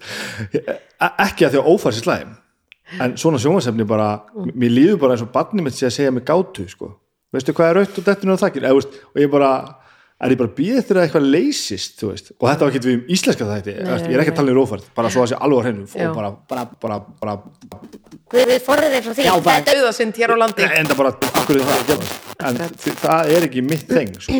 já, já, já, ég horfi aldrei á svona þætti sem er einhver svona mál í gangi þú veist, Nei. ég bara, Nei. þá líður mér bara eins og ja, nú er einhver búin að ákveða hvernig eitthvað fór og ég er að býða að hann segi mér frá því. Já, og, ég bara, og það kemur metagaurin aftur upp í mér bara, Akkurat, en sko það er náttúrulega, sko ég held að þetta sé að hluta til vegna þess að síðustu ár höfum við verið bara í þessum hérna skandinavísk, við höfum bara verið föst í skandinavíska krimmanum. Já. og þá er ég að tala um bara ekki bara Ísland heldur, þú veist, allt sem, allt stóra sem hefur komið frá Norrlöndunum, þú veist, borgen er í rauninni öðruvísi seria, skilur það á danir. Sko. Já, ok, geggja stöf, það var að koma inn á Netflix Ok.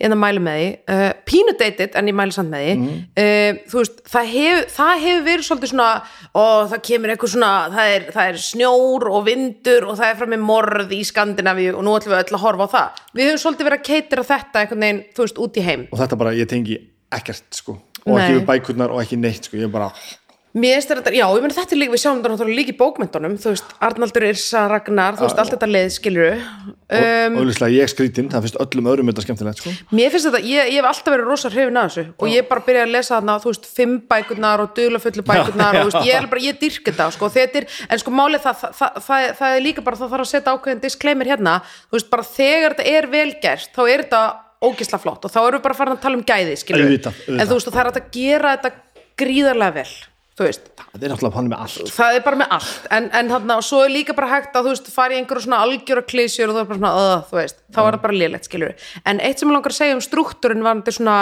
hérna who, who done it eða svona sakamálu seríu, skilur, hver er morðingin þú ert að býða fram á loka einhvern veginn í síðasta þætti til að vita það, skilur búin að fara í eitthvað massíft ferðalega alltaf bara já, beti, hver gjörðu það, hver gjörðu það, skilur og það er yfirleitt eins og í Akutu Kristi, þá er yfirleitt svona ólíklegasta mannskjan og eitthvað svona þú heldur á sérst svona búin að fatta það, skilur en þetta, ástæðan fyrir því að þetta virkar er að þetta er gríðarlega gó, góður mótor til að keira sögu áfram. Að það allir sem hafa sett saman sögu plott vita Já. Að það, Það er ef það er eitthvað dræf í einhverja Já. eina átt þá er það rosa gott. Og þú ert með einhverja brestaða löggu Já. líklega drikkfelda sem er búin að missa bönni frá Já, skilur allt já. í steik. Og hún kemst að því hver þetta er, skilur og rosa góður í einhverju einu, er rosa vondur í öllu hinnu akkurat bara tilfinningulega föllum manneskja og þú veist, allt, við þekkjum, þekkjum alla klísina, skilur en þetta er samt gríðlega, þú veist og þú veist, þa- þannig getur þú kyrt sögu áfram, skilur en þetta er góð leið til þess. Auðvitað. og þess eða Já, þú já. veist, nei, ég Já, finnst þetta já. ekki leiðilegt Já. en, en, en, það er rosa alhæfing að segja svona Já. þú veist, og þarna finnst mér ekki verið að taka tillit til bara, þú veist, gæða í svona struktúr skilur, ég vildi vera með eitthvað gott dæmi um svona en ég, þú veist, þetta, þegar þetta er gert vel þá er þetta drullu flott Já, já. eins og mannstöfti seríunni hérna sem hún hvað, ég man ekki hvað neitt heitir uh, leikonan í X-Files uh, Gillian Anderson uh Mhm. -huh. þar með hún, hún leik einhver svona hérna, sástu það. Hérna morðingi og hún var einhver svona saksóknari ég man eftir að hafa séð þetta í gangi, sko, ég Já, sá þetta ekki sko. ok, það var ókslega góð já, ég veit ekki hvað hún heitir. Nei, en ég skilji, Falling, hittur hún ekki það verið. Það, var, það er dæmi um gríðarlega vel gerða svona seríu. Já, og þetta fullt af þessu vel gert. Fullt af þessu vel og svo, ég hef náttúrulega séð þætti Já. af ófærð, skilju já, já, af því algjörlega að maður verður að finnast þess með. Já, já, nákvæmlega. Og, og, og, maður á að gera ég get Já, ekki já. setið hérna yfir kæftnum að vita aðeins um hvað ég er að tala. Nákvæmlega, nákvæmlega. Og ég fatta að fólki finnist þetta skemmtilegt mm. þetta bara, te ég já, tengi þú bara ekki við. ekki, svo það líka bara þú veist, það er nú bara svona gamalt máltaki sem segir sko, um smekk deila menn ekki þú veist, það er ekki hægt að rífast um smekk. Nei. mér finnst þetta bara. Já, maður finnst þetta þú veist, og þá er ég ekki að tala um einhverja staðrindir eða eitthvað svona vísindi, það, er, það virkar ekki þar skilu, en þú veist, bara svona þegar kemur að afþreyingarefni, bara, þú veist það getur eitthvað verið geða stöf, en þú bara, þú tengir ekki við það skilu, En þess vegna tengdi ég yfir á þeirra Já. að, því að sko í, það hendar mér eins og ég sagði rosa já. þetta bara. Taka, taka veruleikan aðeins á teinunum setja hann aðeins við hliðin á. þá gefur líka skotleifu að segja hluti sem þú myndir annars Akkurat. ekki segja sko. Já, já, og svona benda á eitthvað svona, eitthvað svona einhver stærri keisarinn ekki fötum og það já, saman sko. en mér finnst að þau ó, þú varst í meiri setning, Já, má ég klippa fram í? þú ágristur um mig. Ok. Hérna oh my god, ég man ekki hvað já, já, já, ég ætla að segja ég held líka, ég held að við höfum grætt svolítið á þessu nákvæmlega því sem þú ert að nefna að því að það, það efni sem við höfum fengið hérna, er svolítið mikið þarna þó að séu þetta ekki algild þannig að þá höfum við bara fengið, þú veist, ófærð Hamarinn, Mhm. Valhalla Mörders þú veist, and the list goes on. Bara frábært fólk og frábært seríur ég ætla ekki að segja um það, en þú veist það er, það kveður við svolítið nýjan tón í ráðarnum ég held að við séum aðeins að greiða því. Þú veist, þetta er hérna, þú veist þetta er nýtt, Já, nýr er nýtt heimur. og ég held sko, held ég var að fara að horfa á meira af því sama en, en ég komst Já. mjög fljótt, fljótt að því að ég var ekki að gera það. Já, og, hérna, einmitt. og það var mjög, það var mjög bara já, kærkomið sko. Já, og ég ætla ekki að spoila nennu en, en ég var Já, alltaf mjög ánægð með hvernig þetta endaði. Já, og allir kom bara kreditlist og ég bara Já. vel spilað. Þú veist, gaman, að því gaman að það er heyra. bara svona herðu, já ok, Já. bara geggjað, að því þú veist, fyrir einhvern sem hefur, hefur, hefur skrifað eitthvað, veit eitthvað svona pínu hvernig það fyrir fram það þarf alveg að ákvæða hvernig það endar sko. Já. Og þessi endir var ekki, ekki sjálfgefið hvernig þetta fór Nei, sko. það voru alveg svona, það voru alveg, ég held bara, þú veist, það voru alveg þrýr endar í Já, klippi ég- erbyrginu ég sko, það var alveg bara að vera það, þú veist, bara Alveg fram á það- já, já, það, voru, nokkrar leiðir auglustlega eins og þú segir og síðan var bara, þú veist, við ákvæðum bara þessi væri en það er kannski það sem ég er að meina að því að þetta sem ég er búin að vera að tala um hinga til það er bara ein leið til að enda það. Þú kemst bara að því Já. hver drapan sko ah, akkurat, og akkurat vegna þess að þetta er seria sem Einmitt. heldur mér í alla leiði gegnum áttaþættina Einmitt. og þú ert að segja að sko, síðast í klippiherbygginu hefði verið þetta ákvæð hvernig þetta endaði það er það sem heldur mér sko. já, þetta er ekki um söguna sem þetta er fjallar um Nei, sko. þú ert ekki einhvern veginn að reyna að ná á einhvern leiðar enda nei heldur ég fæ einmitt. bara að fylgjast með því sem er að gera og það er brjálaðislega áhugavert og vel náttúrulega executa og skrifa og leikið sko. en ég er ekki einhvern veginn svona eins og ég var að segja á hann að býða eftir að dóttir mín fimm ára að segja mér hvað er Nei. og datnir á þakkinu sko. Akkurat, þetta er mjög áhugavert en hérna eitt sem þú sagðir á hann sem langar að ræða og þú veist að segja eitthvað svona þú veist að alltaf þegar maður veit að einhver segir einhver, einhver segir eitthvað svona everything is gonna be fine. Þá er það svona vísbending um að það verði akkurat ekki fine skilur já. en hérna þetta er líka, þannig ertu líka svona veist, þetta er svona reglunar, þetta er svona Chekhov's gun skilur, um leið þú ert búin að kynna inn byssu, þá verður að nota og allt það skilur, það er svona þú veist gamli einhvern veginn skólinn og struktúrin en svo fannst mér bara, þú veist, eins og ég þreytist ekki á því að tala um eins og Game of Thrones. Þú veist, þar ertu með hérna þú byrjar hérna og þú heldur að Ned Stark sé hetjan, hann að ég gafst upp á Thrones, sko. ok, vá, ekki ég. Ok, ég gafst upp á 8. seri, hún var glötuð. En, en þar, bara þú veist, bara konceptið, þú, þú byrjar að fyl- fylgjast með einhvern svona rosalegum svona, svolítið svona hérna, já, bara karlmannlegum sjarmerandi manni sem er svona ég horfði fyrstu þrjár serið ég veit hvað já, það var sko. já, nákvæmlega. Og bara svona, þú veist, besti vinur aðal er að einhverja æðislega fjölskyldu allt það, þú er bara, ok, þetta er gæðin sem ég er að fara að fylgjast með. Já, í næstu, for the years to come Já. og ég var svo til í það Já. mér varst hann svo sjarmerandi, heillandi flottur leikari, bara indislegur Köttu, hann er og ég var bara, ha? Hvað er, og á mér sér dreipin sko og, bara, og það var eiginlega engin aðdraðan daði sko. allt í einu var þetta bara, bara búið spil og maður svo beðið til svona einhverju Pulp Fiction já, Já. förum við þá ekki bara eitthvað aftur í tíman Já. eða eitthvað svoleiðis nei, búið. Þetta var, veist það, Ágæðið. ég fekk sjokk. Ágæðið. Ég fekk sjokk á mjög góðan hátt, þetta var svona gott sjokk. Út af því að þarna er nákvæmlega verið að þú veist, að því að þarna er líka verið að leika sér áhöröndum, að því við reiknum alltaf með já ok, við, þetta er góðu gæn, við erum að fara að fylgja honum alltaf skilu oh hell no, við ætlum að fókin kötta hann hérna drepan og bara, og hvað? Og þeir gera þetta nokkur svona í seríunni. Mér finnst það ógeðslega flott. Þegar það er búið að vera rosalega uppbyggingin í eina átt og þú heldur eitthvað að X sé að fara að gerast svo bara tekinu uppega og Upsilon gerist eða sé gerist, Já. skilur mér finnst það ógeðslega flott er, það fór samt fyr- fyrir mér að þreytast sko, af því það fór að vera eitthvað svona the thing já, að já, þú beðist alltaf já, eftir bara, já. ok, hver, Já. Hver missis hausinn næst og það blæði geðvikt mikið. En, já, en ég meina, já, þú veist já, já, hvað á maður að segja? Auðvitað, en, ég, allavega með Ned Stark það var var- drullu sammála vel því, gert það var drullu sko. það var bara Já, svakalegt það, var, það var alveg, alveg svakalegt. Var, og svona maður fekk svona maður, alvöru tilfinningarleg viðbröð bara svona, þú veist. Já. ég hérna gafst samt upp á Game of Thrones bara því að, að þetta var bara soppúbura sko. já, bara eftir þrjá séri var ég orðin bara ok, það gerist ekki neitt, það gerist ekki neitt. Þetta er bara stórar og dýrar og áhuga að vera sinnur og allt er geðveikt vel gert sko, og það eru, veist, það, það, eru veist, blóð og brjóst út um allt og það er skemmtilegt sko. en en sko það, þar fyrir utan bara veist, á hvað er ég að horfa, fólk er ekki eins og búið að hittast. Það er allavega leiðin eitthvað á sama svoleiðis og ég er búin að horfa þetta í þrjú ár og það er ekki, það er ekki ennþá sko, fólk veit alltaf hvert af öðru sko. Já, já, I hear you. En ég er ekki saman Nei, og ég meina aftur er ég auðvitað vandamáli sko. hérna, já, en mér finnst en mér fannst líka með Game of Thrones mér fannst það svo gott escape.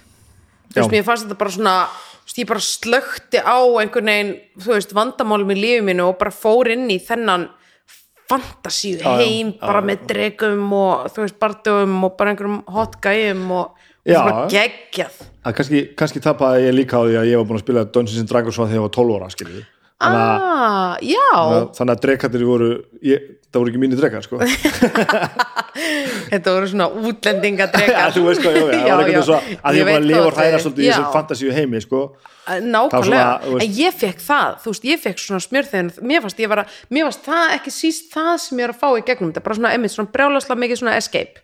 Já, já, ég tengi við það. Já, nákvæmlega. Já, klárum þetta aðeins með já, ráðan já, að að eh, að þú ert að tala um hérna þess að gefa ykkur svona skotleifi að gera þú veist, þurfum hliðstæðum, hliðstæðum veruleika og, Já. segja svona, þú veist, hafið fengið eitthvað þú veist, að því þið er náttúrulega augljóslega drulla yfir hansi margt, sko. Þú getur ekki, þú færði alltaf að leita því. Ég er ekki að reyna neitt það, sko. að því að þú veist það, það er bara sumt, og ég var mjög ánægð með það líka alveg burti hvort ég var sammála eða ósammála, þá bara já, vel gert, við tökum bara þennan slag. Hættið að veiða kvali fáið að Til og, dæmis, veist, og þetta sko og bara, þú veist, hættið að gera, hvað er að ykkur? Já, og var mjög bleitandli hvað mér fannst það ekki verið, það var ekki að beðast afsökunar því sko. He, he, hefur einhver sagt eitthvað? auðvitað hefur Brynjar Níelsson sagt eitthvað. Já, er hann búin að því? já, já, Já, flottur. Hvað sagði hann? já, hann bara hann bara tók þetta, tók þetta bara lið fyrir lið.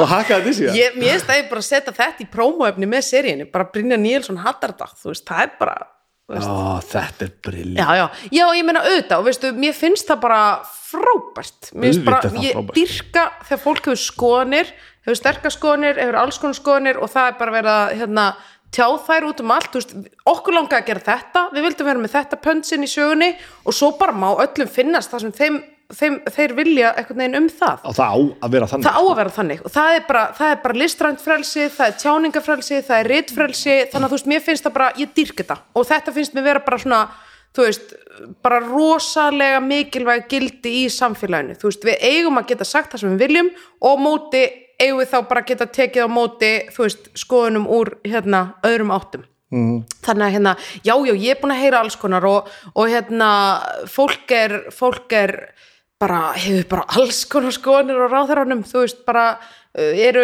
eru bara einhver svona, einmitt einhver svona nitti gritti, hérna einhver svona já, sko, ég er nú hérna, frænka mín er einhver eh, lögfræðingur yfir kjörstjórnar eitthvað, eh, hvað heitir það svona kostningadæmi, og Björg mín, við þurfum nú við tækifæri að fara yfir hvernig kostningar virka, Já, þú veist, já. ég var nú með nokkrar aðtöðsöndi varandi hérna lögfræðilega prósessin, ég bara svona, dude, ert í alvörun að pæli þessu, þú veist, og svo er einhver að pæli hérna, já, einhver svona tíni tæni smáadrum, hérna með hérna grafið á kostningavökunni og bara eitthvað svona alls konar skilur Já, ég, ég horfði náttúrulega bara hendur út úr bíóleikarum skilur Það er það sem við gerum sko. já, já, Það sem við þekkjum sko. já, já, nákvæmlega þannig að hérna já, fólk hefur sannarlega alls konar skoðanir og mér finnst það frábært, en það sem mér finnst mikilvægast eins og ég var að tala við hérna það setti sig í samband við mig strákur í gær sem að þjáist af, af hérna geðkvarasíki mm. og hann var bara svona fara yfir, hann er búin að skrifa grein hérna, þú veist, um þetta og svona fara yfir þú veist, bara hans upplifun af Benedikt þú veist, í maníu ástandi og allt það skilur bara ógeðslega áhugavert mér þótt svo vænt um það, mér það að en svo vil ég bara nefna hérna þetta við þig og þetta við þig, þú veist, ég tengdi ekki við þetta eins og Já, þú já. þú veist, þegar Benedikt fær mjög aukna kynnkvöt og þarna það er senaðan í lokin á sjötta þætti þar sem hann er þarna já, já, bara að runga sér þarna við konungsflílin Mhm. -hmm. og hrefna er einhvern veginn komin í mjög óþægilegar aðstæðu með honum sko, uh, þú veist, aukin kynnkvöt jú eins og hann bendi á, ég meina við vorum búin að lesa okkur til um aukin kynnkvöt fylgir vissulega maníu, en þetta er náttúrulega, þú veist, þarna ertu komin á rosalega viðkamar slóðir, skiluru þú veist, einhvern veginn ert að, ert að afsaka kynferðis, óeðlega kynferðishegðun eða kynferðisglæp með manju, þú veist, Já, það er náttúrulega ekki, þú veist, það er ekki það sem við erum að segja, sko, og bara svona alls konar, en þarna, en hérna, en mér fannst það ógislega gaman, já, að heyra frá honum og, og ég veit þess að margir sem eru bara hafa verið að glíma við hennan sjúkdóm í þögninni ógislega lengi. Uh, þau hafa verið að setja sig í samband bara djúlega gaman að bara heyra orðið mania bara á rúf það er bara að tala um maníu og geðkvörf og þú veist einkennin. Og þetta kannski svona hjálpar aðeins þarna í að starta umræðu eða, og mér finnst og það er alveg þannig bara í íslensku samfélagi við höfum hérna bætt okkur óslega mikið í að tala um hluti á síðustu árum, opna á eitthvað svona, en ég meina það var ekki það var ekki talað um þetta í, þú veist gamla daga, þess að við erum að tala um ömmur okkar áðan, Já, já. og það er hann náttúrulega baksa Benedikt, þú veist, ef að mamma hans Já, sagt, hún tekur eigið líf í hérna vegna þessa sjúkdóms. Og það var bara þaggað þú veist, það, og það var daldið, þannig var daldið díla við þetta sko. Já, maður, það ekki marga svona sögur sem er búið að grafa upp á fortíðinni maður. Já, Alls því miður, því miður. Og bara sama með, þú veist, eins og samkynneigð og kynfyrirskleipi, blóðskömm og fleira, þú veist, þetta var bara svona bara, þú veist, ekki díla við þetta bara, þú veist, hendum við svona í hennan kassa og þú veist, lokum og hendum liklinum Hvernig upplifir þú þetta sem, sko, sem höfundur? Finnst þér þú ber einhverja ábyrð? Þú veist, að því að þú veist, einmitt þarna, þegar hann allt í nú bara, þú veist, orðin bara svona, hann er bara kynferðis ábrótamaður allt í nú, nú kom bara spoiler hérna á fullu, sko, mm. Sem er kannski bara, veist, þar upplifir maður bara eins og að vera eitthvað personleika röskun vegna sjúkdómsins, sko, finnst þér eins og þú þurfur að svara fyrir þetta eða máttu gera það sem þú vilt þegar þú ert að skrifa sögu? Sko eins og ég er að tala um aðan, það er náttúrulega tjáningafrelsi og reytfrelsi og, og, frelsi til lista, auðvitað er að það, en á sama tíma þá verður þú sem höfundur auðvitað bara að taka ábyrð á þinni sögu, þú veist, hvað ert að segja? Skilur og hversu langt gengur þú? Veist, það hefði verið hægt að láta hann ganga miklu lengra, en þá ertu kannski komið með svolítið aðra sögn í senuna. Og þannig kannski einmitt eins og ég var að nefna á þann, þú veist sem að hérna, mér finnst bara mjög mikilvægt að mistúlkist ekki að það sé verið að þarna að þú veist afsaka einhverja hérna brotlega hegðun með manis, maníunni eða þeirri greiningu skilur þú veist, þetta er rosalega í rauninni eldfimur staður. En það sem ég er eiginlega samt að tala um er sko, þurfum við að tala um þetta?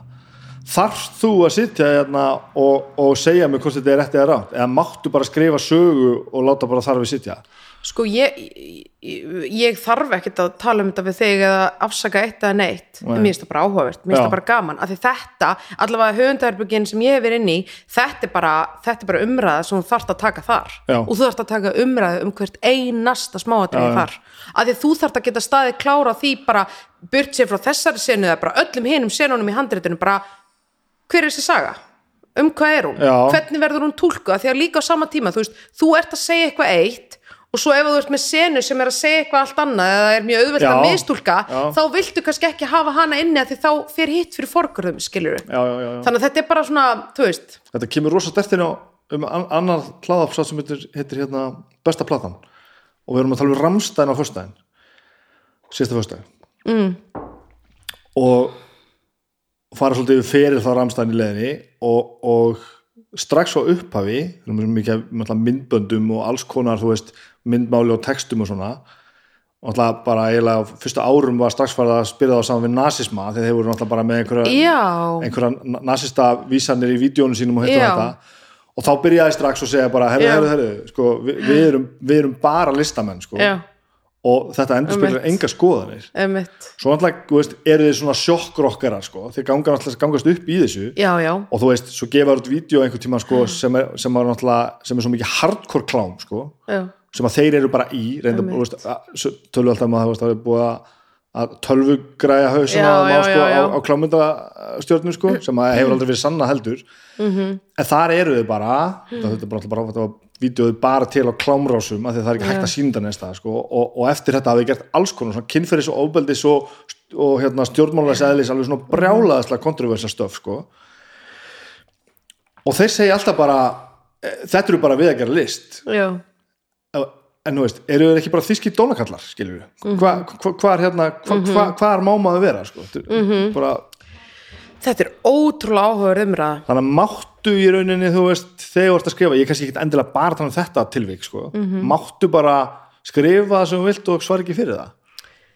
Uh, já, ég meina þú mátt það augljóslega en á sama tíma, þú veist ertu bara manneskja í samfélagi og þú ert að koma með eitthvað output inn í samfélagi og eins og í þessu tilfelli er þetta bara stór seria sem er bara að fara á ríkisúttarpi þannig að auðvitað vilt þú sem höfundur standa svolítið klára á því, þú veist bara hver er pælingi með þessu, hver er sögnin með þessu skilur þannig að þú þarft að vera búin að fara í gegnum þetta allt skilur og sama tíma þarft ekkert að koma og eitthvað hérna, útskýra eitthvað hvað einhver hérna, uppdiktaður karakter gerir í hver einasta skref en ég held samt að höfundar ætti að vera rosalega meðvitaður um þetta. Og ég meina við fengum eitt svona dæmi mannst ekki hérna það er hérna karakter í ófærð ég held að sé ófærð 2 sem segir eitthvað svona, það er eitthvað hérna, nýnasista reyfing út á landi. Og hann segir eitthvað svona kortir í dáns já, já, notar já. þetta orðatiltækið hérna, og það var, þú veist, það var bara mikil umræð um það og margir sett sér mjög upp á móti í skiluru um, mér finnst þetta alveg vera svona kortir í sko, eh, hvað segir maður hérna, einhvers konar ritskoðun þú veist, að því ég meina þú veist, það er allavega mín skoðun að þú veist, þú sem höfundur og listamæður þú átt að geta búið til karaktera sem gera allt milli heimis og jarðar. Já, og heimurinn er því miður ekki alveg PC staður. Hann er mjög ógislegur og hann er mjög fallegur og allt þar á milli.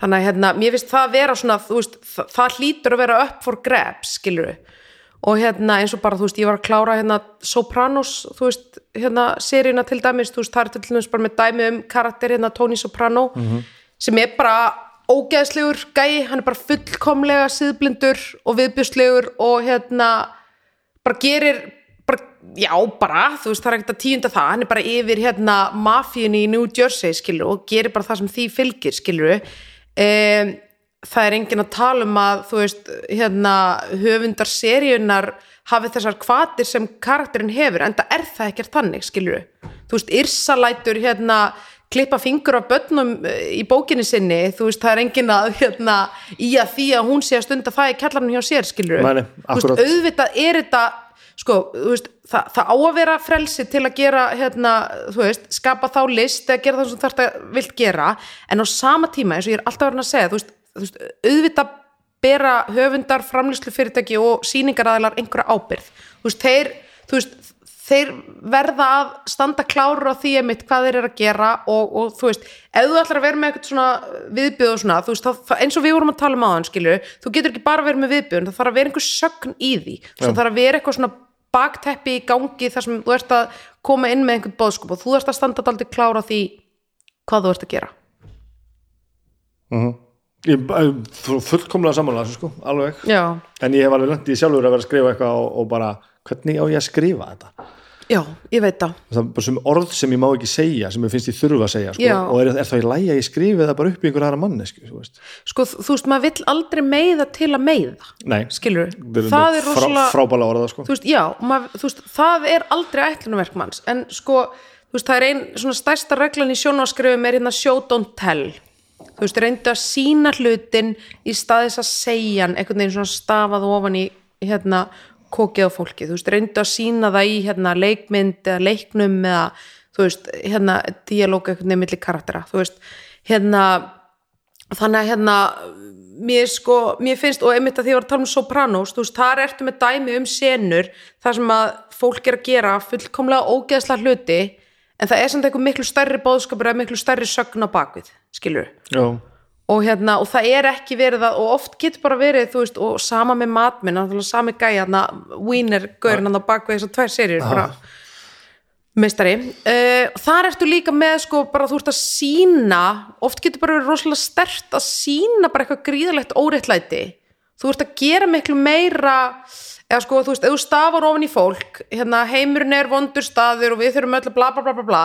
Boring, þannig er ekki að hlusta á þetta. Nei, en ef þú sýnir það í gegnum einhvern ógislan karakter ef þú sýnir hérna hvernig Nína sérsti hegða sér þá ert að segja okkur miklu meira um þann heim heldur en að þú ætlar að vera með einhverja predikun, skilur ég er örgulega búin að fara í ringbibbi ég, nei, þarna, ég, ég er nefnilega ég er svo sammálaði sko. er, ertu, er, er ég ná að segja þetta veist, að þetta, þetta er pínu flókið líka sko? Já. það, auðvitað þetta flókið af því að, því að líka nú erum við alltaf farin að tala um list sko, að þú ert að segja ekki meða til að meða svo til list sem gengur basically bara út á það sjokkara sko. já, og er það þá orðið bannað eða þú veist? Sko tjáningafrelsi er greiðlega mikilvægt. Það er það, ég ætla sko. bara, þú veist, let's leave it at that eða, en ég meina þetta er, þetta er bara þú veist, mér finnst þetta bara að vera ótrúlega áhugaður umræða. Mér finnst þetta bara eitt að vera, þú veist bara fólk á að pæli í svo hugsa um þetta. Og þetta á að vera umræða inn í höfundarherbyggjum eins og ég var að segja á hann, þú veist, það er bara gríðarlega mikilvægt að, og það er náttúrulega það sem gerist í, hérna, þegar þú ert að vinna einhver handrit og svona, þú veist, það þarf að tala um allt. Já, og það þarf líka og það þarf þá líka að vera hægt að tala um allt skilur Já, já. líka það sem er erfitt að tala um. Á ég draga fyrir. Já, Kemur komið svona, það er komið svona. Er þetta ekki svona gluggar þar sem að vera svona tanaður í gegnum? Já, takk já, já en ert þú, ert þú ánum með þetta? Ráðherran? Já, ég, sko, ég er náttúrulega bara fyrst og fremst ógisla, þú veist, hérna stolt af því að þetta sé, þetta hafi bara gerst yfir höfuð og þetta sé komið út, þetta sé ég bara mjög margt sem að þarna, ég hefði viljað gera öðruvísi eða vinna betur eða þú veist, það, það er er bara, næsta spurning sko, maður getur ekki séð þetta í friði þegar maður gerir þetta sjálfur sko. Það er bara, og ég lesi bækur um svona, hérna, höfunda og svona, þú veist, maður er bara, nei, ég ætlar að taka þetta, menn, nei, þetta er ekki tilbúið, þú veist, auðvitað sé ég bara gallana, þú veist, já, en þú veist, nei, ég sé ekkit bara gallana ég sé líka bara frábæra leikstjóra. Þú veist, fara og bjarga einhverjum díalóg sem var ekki nógu góður í handriti og eins og vorum að tala um á hann skilur þannig að hérna, ég er bara ótrúlega stolt af þessu. Og þetta líka, þú veist, eins og ég var að tala um hann þetta var hérna, það var mjög erfitt að koma þessu öllu saman og koppin, en þú veist, þarna bara þú veist, lærði ég allavega meira um það hvernig maður á að skrifa handrit. Og það er þetta bara veganist að teka maður með sér skilur þannig að þetta var mjög PC svar en það er samt satt. Veist, já ég las fullt í, í þetta sem að ég það ekki sagt sko. sem er bara gott. Já, já, já, hérna, ég get ekki sleppt þessu alveg strax uh, fannst þetta ekkit yfirþyrmandi að gera þetta? Sko, að, sko bur, bursti frá sko pródúsun en bara koma þessu frá þér. Ég myndi aldrei gert í dag. Þetta, þetta, þetta, það er fáránlegt einhverju þrýr krakkar með enga reynslu hafi bara ætlað að gera þátt um hérna geðsjúkan fórsætsræður á Íslandi. Mm. það er styrlað já, Já, það er styrlað já, þannig að hérna, það, þú veist þetta, eins og ég kallaði þetta, ég var að ta- tala um þetta eitthvað, ég var að segja þetta er svona eiginlega svona barnslegur metnaður þú veist, þetta bara svona í dag væri ég bara eitthvað uh, ok, byttu, byttu, byttu, byttu, hvernig var það, þú veist en þannig að ég held líka að það sé hluti að því þú veist, er, þetta er crazy hugmynd og fyrir einhvern veginn okkur að fara innan leðungur þú veist, þetta var bara allt og hátt fjall skiluru, en einhvern veginn dröslist við nú yfir það. Þið bara helduð að þið gætu þetta. Þið vissi bara ekki betur. Ég meina, þú veist alveg hvernig er að vera ungur og með rosa mikið sjálfströðust og bara, en á sama tíma vita ekki neitt. það er oft gott, Það getur verið gott, ekki alltaf. Ekki alltaf, en svo, svo lærir maður og er nógslega boring og miðaldra í dag Já, og svona tempraðar væntingar og eitthvað svona, skilur Já, ég er líka bara að sjá núna gegnum þessi viðtöl mín og, og, og tala við fólk og um fólk og þessar, allar þessar plötu skoðanir þannig að tala gegnum Já. svo tónlistasögu og og þetta. Við erum alltaf best þegar við erum ung og þegar við erum gömul. Já, við byrjum, við byrjum með eitthvað frumkraft vitum ekki neitt, skiljum ekki neitt bara, þú akkurat. E, gerum það sem við erum góð í já, og þú veist, berjumst fyrir þessu og höldum þetta að segja að það sé no tomorrow sko. svo bara líða svona 10 ára eða 15 ára eða 20 ára eða eitthvað og við erum búið með þessa grunn hugmyndir sem við eh, sko ólumst upp með já, aðeins farin að efast um sjálf okkur erum að að finna upp eitthvað aðeins nýtt fara út fyrir það sem við vorum að gera förum alltaf að hafa meira ágjör eitthvað. Öðrum finnst sko og svona láta lítið út fyrir okkur sér skýtsama verðum alveg fullkomlega dead boring og svona bland í, í svona halva öld eða eitthvað frá 40-50 ár. Þá við verðum bara gömul Já. fáum einhverja svona vikt og er orðið drullu sama því að við erum að fara að drepast sko. Ok, þetta er gott, sko. Þetta er, þetta er geggjuð pæling, sko. og það er svo margi sem passa inn í þetta munstu, það er svo svakalegt sko. Já, ég var um þetta eitthvað að því ég, ég sko áður en ég fór að skrifa fyrir sjónvarp þá skrifaði tvær skvísubækur hérna, uh, og ég var um þetta eitthvað ég var eitthvað að tala um Braga Valdimar hérna, kollega minn um daginn og ég var eitthvað svona, ó, vá, ég get ekki séð þessa bækur ég fæ bara svona, ó, veistu, svona, svona ég, ég get komið við auðlarhrollin, það er mér finnst þetta svo hræðilegt. Og ég man hvað ég var ung og vitlaus og eitthvað svona, hann bara veist það Björg mín býttu í svona tíu ár þá er þessar bækur það lang besta sem þú hefur efer gert á þínu lífi. Og ég var bara eitthvað seriously skilur, þetta er eiginlega saman þú veist að segja. Þetta er nefnilega saman ég er að segja. Já. og þetta er svo rétt. Já. þetta er svo rétt sko. já, þetta satt svolítið í mig alveg, er, could it be true? En hérna tölum líka aðeins um þig ekki bara já, en þetta er ágætist leið yfir það líka vegna þess að að að þú varst alveg mútið að gera eitthvað sem þú- þú veist ekki hvað þú varst að gera að þú varst, og einhvern veginn unga einhvern veginn að bara hugsa um að, að gera einhverja sjónvarsseríur um, um, um, um geðvikan fórsetis á þeirra og eitthvað svona brjálæði en þú veist, ég var alveg fylgst með þér í gennum árin og þú, þú, Mm. þú ert alltaf búin að vera rífa kæft frá því þú varst bara 12 ára. Finnst þið það? Æ, veist, rífa kæft er ekki kannski rétt að hérna, orðalagi en, en ég hef mjög sterkar skoðan Já, en líka bara svona einhvern veginn alltaf bara skrifa pistil, skrifa bók þú veist, já, mann líður svona eins og hafi svona ekkert, ekkert verið að dvelja mikið í því að vera unglingur neitt, þú er bara vaðið að gera grónupstöfið, já, allt í bara að vinna á frettastofunni og, já. og þú veist, bara eitthvað. Já, já, ég, ég veit það ekki, kannski, en ég er svona, ég veit ekki, ég einhvern veginn hefur svolítið valist þannig, að ég hef einhvern veginn oft lent í einhverju bara svona, þú veist, eins og þegar bara dæmið um, þú veist, þegar ég fór í háskólan, þá var ég bara komin í stúdendapolítikina á kortri og formaði stúdendar á svo næsta Já, ári. ég er kannski einmitt bara að tala um þetta, Já, sko. ég ætlaði mér ekkert að gera það. Svo bara svona, kem ég eitthvað inn og svona, oh, bara býtur nú við, það er að gerast eitthvað hérna, skilur og ég er alveg til í, þú veist, mér finnst gaman að vera að reyfa hluti og mér finnst ógislega gaman að búa eitthvað til. Ég held að það sé ekki til betri tilfinning. Nei. Þú veist, heldur hún að þú veist, hva, hvað sem þú veist að gera, þú veist, þú ert hreyfið, þú ert að íta hlutunum áfram, þú veist, mér leiðist opbóðslega kyrstaðan, skilur það er bara gasklefi fyrir mér, skilur Hva, hvaðan ertu, ef að- ef við fyrir bara eitthvað tilbaka Ég er hafferingur. Þú ert hafn Já, ég sko fætti hérna í, eða sérst fóldar mínu byggu í Vesturbænum Kappelskjölsvegi þegar ég var bara, þú veist, þangur til ég er fjögur ára, þá hérna flytjum við í Setbergi í Hafnafri. Ok, Þannig ég elst þar upp.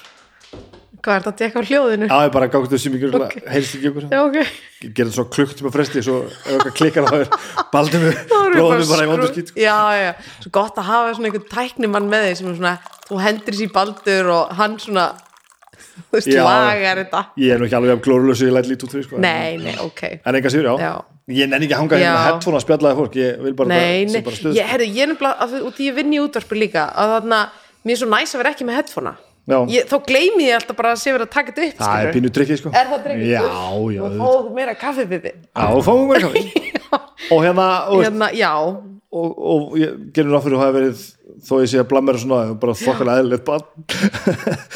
Já sko ég var óslega ég held ég hafa svolítið já, ég, sko ég var óslega serious finnst mér að hugsa Þannig að tilbaka. er eitthvað, fótu fyrir þessu hjá mig. Já, ég var sko þú veist, ég veit ekki hvort ég er að fara að tala um þetta. Jújú, sko hérna ég er alveg bara rosalega trúið heimili. Og fóldra mínu voru bara þú veist, um tíma í bara svona einhverjum söfnuðum og eitthvað svona. Ok, og hérna, og ég var svona þú veist, þannig að ég kemur rosa svona proper svona, þú veist ég elska fóldra mínu út af lífunu en við erum svona bara svolítið ólík, skilur Mhm. og hérna það er svona, rammin var bara svona frekar, þú veist, allt frekar proper sko. Bara svona maður á að standa sér hér skila þessu, vakna snemma fara í messu, fórum alltaf í messu á laugadöfum þú veist, það var hérna aðvendistasöfnuðurinn á Íslandi og hérna og hérna, þannig já, ég kemur glúð svona frekar svona, þú veist og mér varst því, þú veist, ég las alltaf mjög mikið og var komin svona snemma bara að lesa eitthvað, þú veist, eitthvað svona, eitthvað fullarnsbækur og ég veit það ekki, þú veist. Svo bara einhvern veginn, þú veist já, þannig að það er svona kannski kemur svolítið svona þú veist, góðum ramma, sko og fylgir trúðir í dag ja. Nei, ég er hérna, nei, ég er nefnilega fór í smá leiðangu með það. Ég er hérna, ég, þú veist, þetta er ekki fyrir mig. Ég er hérna, gekk til liðs við siðment fyrir hérna nokkrum árum síðan og skráði mig úr þjóðkirkjunni. Það var svona, já. Já Hva, Þetta finnst mér mjög heillandi sko Já, Hvað hérna og, þú ert alveg alin upp bara við bæninna þínar og, og, og, Bara Biblían og, bara, veist- Guð og, og það allt saman bara. já, bara hérna, já, mjög trúað uppeldi, sko. Og bara, þú veist, bara lesið úr biblíunni skilur og bara það, maður er að spyrja einhver og þá færið bara hérna uh, já eins og segi nú í korindubrefinu skilur þú veist það er bara Já. svona mjög svona skilur mjög hérna já og ég þú veist ég, ég, og ég hugsa alveg ég, þarna, þetta hefur náttúrulega haft mjög mótandi áhrif á minn karakter veist og hérna og, og kent mér rosalega margt og syngt mér rosalega margt og ég hafi kannski aðeins valið aðra leið hérna varandi þessi málöll sko. Sko að, ég, ég er nú ekki fyrir að kalla ósíði sko en að því ég ætla að vera að tala um ósíðunar sko, ósíði fóreldra minna sko veist, eða þannig. Maður hérna, ég, finn það að ég er 42 ára og ég er ennþá stundum svona að reyna að gera hlutina öðruvísi heldur en að mér var kent að gera á að því að þú veist, fóreldra mínu voru frábæri fóreldrar og ég er að frábæra alin upp og, og, og bara fekk allt gott sko. En þú kemst alltaf að því sko að það er bara, já ok þetta var ekkert betra sko. Og þetta eru fóreldrar mín ekkert fullkomin sko. En ég er 42 ára sko svona að reyka mig á bara af hverju er ég að gera þetta? Þetta er, þetta er verra, mamma, þetta er verra já, þú veist. já, og, og þegar ég regna þessar hluti hugsa ég mjög oft um nákvæmlega það sem þú ert að segja. Og, sko alin upp auðvitað bara við, þú veist, góða siði og allt sem gott er sko. já, og hérna, en hvernig hvernig gengum manni þá að, að fara á móti þessu? Veist, fyrsta lagi af hverju, hvað gerist? Og, og í öðru lagi sko er er ekki búið að síra heilan á manni svo mikið með þessu, síra, þú veist.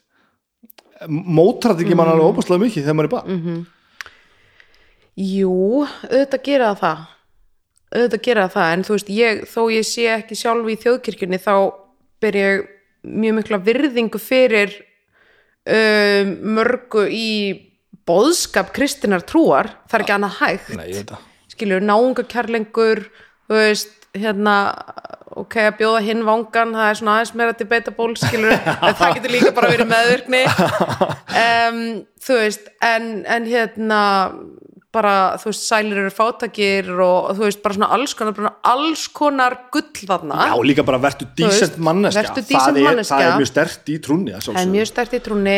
Uh, en á sama tíma það er líka bara mjög stert í manninum Já, já, manneskunni, akkurat. skilur góð gildi þú veist, kristni og ekki eitt á þeim hva- hvað þá önnu trúabröð skilur þannig að hérna, sko mér þú veist, ég veit það ekki.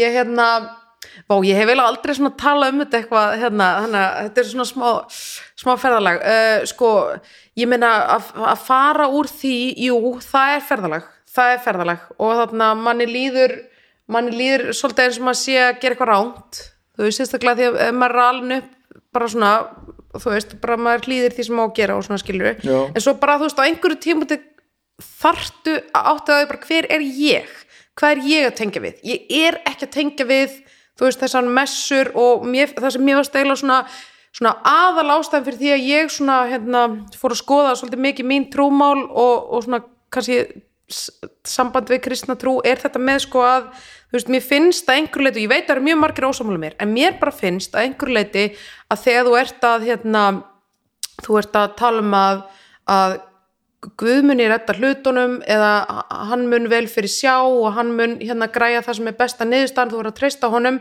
þá finnst mér um leið verið að hérna varpa rosalega mikil ábyrð frá einstaklingnum. Já, já, þú veist, ef að þú ert bara að segja hérna, já, já, hérna Bibi minn, þetta verður allt í lagi, þú veist, Guð ræður því ef Guð lofar, þú veist, allt þetta. Þá finnst mér á sama tíma svolítið verið að taka frá bara svona, herru, byrju, þú veist en, en byrju, þú berð ábyrð sko, og við berum öll ábyrð, við þurfum aldrei að standa að skila á okkar, sko. Og svolítið verið svona að fría sig frá því einhvern veginn með því að geta alltaf svona varpaði sig yfir okkur, hérna, alráðan meistara sem að enginn hefur séð, skiljuru þannig að mér er svolítið svona, ég vil líka bara svona fyrir mitt leiti langum bara lífið snúist um þú veist, það sem er hér og nú. Mm.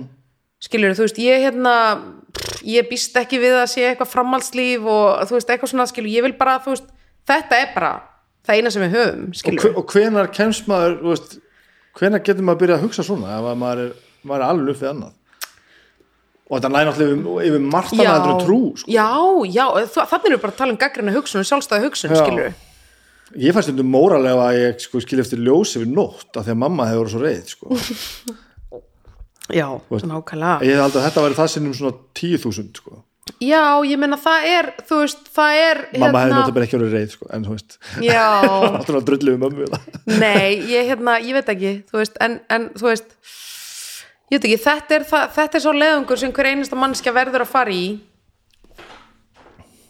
Þú veist, það er ekki einfalt það er ekki þægilegt, það er ekki gaman að, að koma með eitthvað svona crack in the wall í, í hérna einhverju fullkominni fjölskyldeiningu skiluru, en, en þú veist maður verður líka að segja það sem manni finnst. Já. maður verður, að- þá að vera tilbúin að þú veist þannig að þú er alveg þurft að standa þess að þínu að Já, sta, þú veist, þú veist ég, nú, a, þetta var, al- þau voru aldrei eitthvað, þú veist, en, en þú veist við höfum ekki sko, sömu skoðanir á þessum málum og hérna og þú veist, þau virða það og ég virði þau og bara, þú veist ég á þeim allt að þakka og mér þykir óendanlega væntuð og ég veit að það er gagkvæmt en hérna, við erum bara rosalega ólík já, já ég, og, ég, þetta, og fyrir mér er þetta nú bara eitt að fallegast í heiminum það er þegar ólíkt fólk getur drullast þess að tala saman og vera að vinni sko. Nákvæmlega, nákvæmlega Já, meni, einn, einn, einn besti vinnu minni er bara prestur í þjóðkirkjunni sko. mm. og hann er bara með mér Já, hljóms- já, meina- með mér í hljómsveit og hann, hann gifti mig um daginn sko. Já, ég saði mig úr þjóðkirkjunni fyrir, fyrir aldamót sko. já, um mitt en við bara einhvern veginn, þú veist þegar maður fór að sitta niður já. hvort langar mig til þess að einhver gerir þetta sem ég þekki aðeins eða besti vinnu minn besti vinnu minn heimin auðvitað sem við erum sammála við erum sammála um allt nema eitt sko. Og það er bara, hei kom- 9 out of 10, það er bara er helviti gott. og þetta er svo mikil no-brainer sko. Og fyrir mér var þetta líka sko, fyrir mér var það líka ég nú sagt þetta hérna sko að fyrir mig að taka skrefið í áttina honum sko. Það er svo auðvöld fyrir okkur trúlýsingina Já. að standa alltaf og segja bara Einmitt. ættið með þess að fokkin trúið Já, já, og erum alltaf að beða þau um að koma veist, Já, já. stíga til okkar sko. Já, já. E- get ég ekki tussast til að taka eitt skref í áttina til þe- þeirra líka og fengi svona þú veist, 100% Nei, meni, ég, þú veist, þú veist við, ég fer í messur með þeim og þú veist, ég bara Já, ok. alveg, þú veist ég ber bara rosalega mikla virðingu fyrir þessu. Og eins og þú segir, þú veist, ég líka bara svona í gegnum tíðina hef ég alltaf átt bara vini sem eru bara úr alls konar áttum og Já. eru eitthvað að, þú veist, gera eitthvað sem ég er ekkit endilega eitthvað, þú veist, ég myndi aldrei þú veist, vinna við eða eitthvað svona stiðja eða eitthvað þannig, en þú veist, það bara fólk er bara fólk og, að ég veit ekki mér finnst- þetta bara rosalega mikilvægt líka að, að hérna, ef við hérna svingum bandreikunum aðeins inn í umræðina þú veist, þá er náttúrulega það sem er að gerast og hefur verið að gerast þar, það er bara myndast gjá já, já. þú veist, það er bara hérna republikanar og demokratar og þarna getur við fara að skoða alls konar breytur eins og bara hérna mentun og e- ertu í rúral eða örban og allt þetta skilur þetta er bara fólk sem er bara þú veist, neitar að tala saman skilur já, já. og það, þannig að mér veist nefnilega að því, bara eins og Biden og, og hún Kamala tala núna á fyrstu metrunum þau eru bara, við erum að fara að byggja fucking brú. Við erum, við erum ekki blue state, red state við erum united states, þú veist, nú er það bara sameinumst, þetta finnst mér bara rosalega mikilvægt Já, já. veist, og þetta er rauninni bara svona það er kannski eitthvað svona mikrodæmi þú veist, að maður sé í samskiptum við fólk sem er ekki hérna endilega þú veist, það hefur ekki gott að þið vera bara með eitthvað bergmálshelli í kringu sig, sko veist, þannig að mér finnst líka bara mér finnst líka bara áhugavert, ég, og ég er mjög forvitin mannsku, mér finnst líka bara áhugavert að, að þú veist, vera þarna með bara glugga inn í heim bara sem ég bara þú veist, ég ég bara skil að mjög litlu leiti en ég get alveg borið virðingu fyrir því En þegar þú varst bann, var þetta þá eðlilegt? Ef maður er kent þetta uh, þú sem sí, síðan þróast yfir að, að vera ekki þarna er, er maður ekki nógu mótanlegur sem bann þannig að maður trúi þessu bara? Og ég er ekki að tala um heila þvott Ég Já, er nei, um við erum alls ekki að tala um eitthvað Nei. svona heila þótt, þetta var aldrei þannig sko, en hérna, en ég meina, jú, þegar elst upp við eitthvað, þá bara heldur að það sé Þetta er það sem ég var eiginlega að koma, kom, kom inn á áðan sko. Hvern, hvernig fer maður svo veist, að þetta er svo ofbúslega stert sko, að vera mótaður? Þú fer bara að finna eitthvað bank innra með þér. Þú veist bara eitthvað svona something ain't right. Ég er ekki að tengja við þetta. Þú veist þessi gæi sem var að halda þessa ræðu hérna, ain't feeling it. Og þú fer bara og svo getur þú tekið ákvörðun þú veist ætla ég að vera í afneitun og ekki að hlusta á það að ég sé ekki að tengja við þetta eða ætla ég að gera eitthvað í því já. og ég hef alveg verið í fleiri aðstæðum í lífið mínu þar sem ég ignora eitthvað svona bank innra með mér bara ansi lengi, skiluru en, en hérna, batnandi fólk er best að lifa, skiluru og maður veit, og ég, ég, veit líka alveg sjálf þegar ég hef verið í tímubölum þar sem ég er að sína afneitun, skiluru og þú ert bara svona, þú ert bara svona, ok, en ég ætla ekki að gera neitt í því þú veist, ég hef alveg verið þar. En svo hef ég alveg líka verið þar, bara herðu nú bara förum við að taka eitt skrif í einu og förum bara að taka ábyrð á þessu, ég fíla þetta ekki og ég ætla þá að taka ábyrð því og gera eitthvað í því, skilur Ó, þetta er frábært. Er þetta bank, bara þetta orðalag þetta- við? Þetta svona- þetta er svo fullkomlega orðað sko. og svo getur bara dreigið fyrir gardinu og verið bara la la la la la, þetta er skilur, en það er það ekki. Nei, það þú er veist samt oft er það 85% fínt. Já, Og þá er það nóg? Er Nei, það það er ekki nóg. En svo þegar talan, já, sko 85% er ekki nóg, en svo þegar talan fyrir að droppa Já, fer niður, að skilur ofta droppa líka, sko. og hlutir fara að fara bara mjög langt söður, skilur Þannig að þú ert alveg að þú, þú, þú leggur þetta að einhvern veginn að, að þroskast úr trúni og fara að horfast í það að það sem að ólst upp með sé ekki endilega það sem þú, þú aðhyllist. Þú setur það bara við hliðin á öllu öðru eins og samskiptu við fólk og, og makaval og, og, og sambundu og allt svo leiðis Já, ég að meina þú bara finnur eitthvað bara þetta smellur ekki hjá mér sko.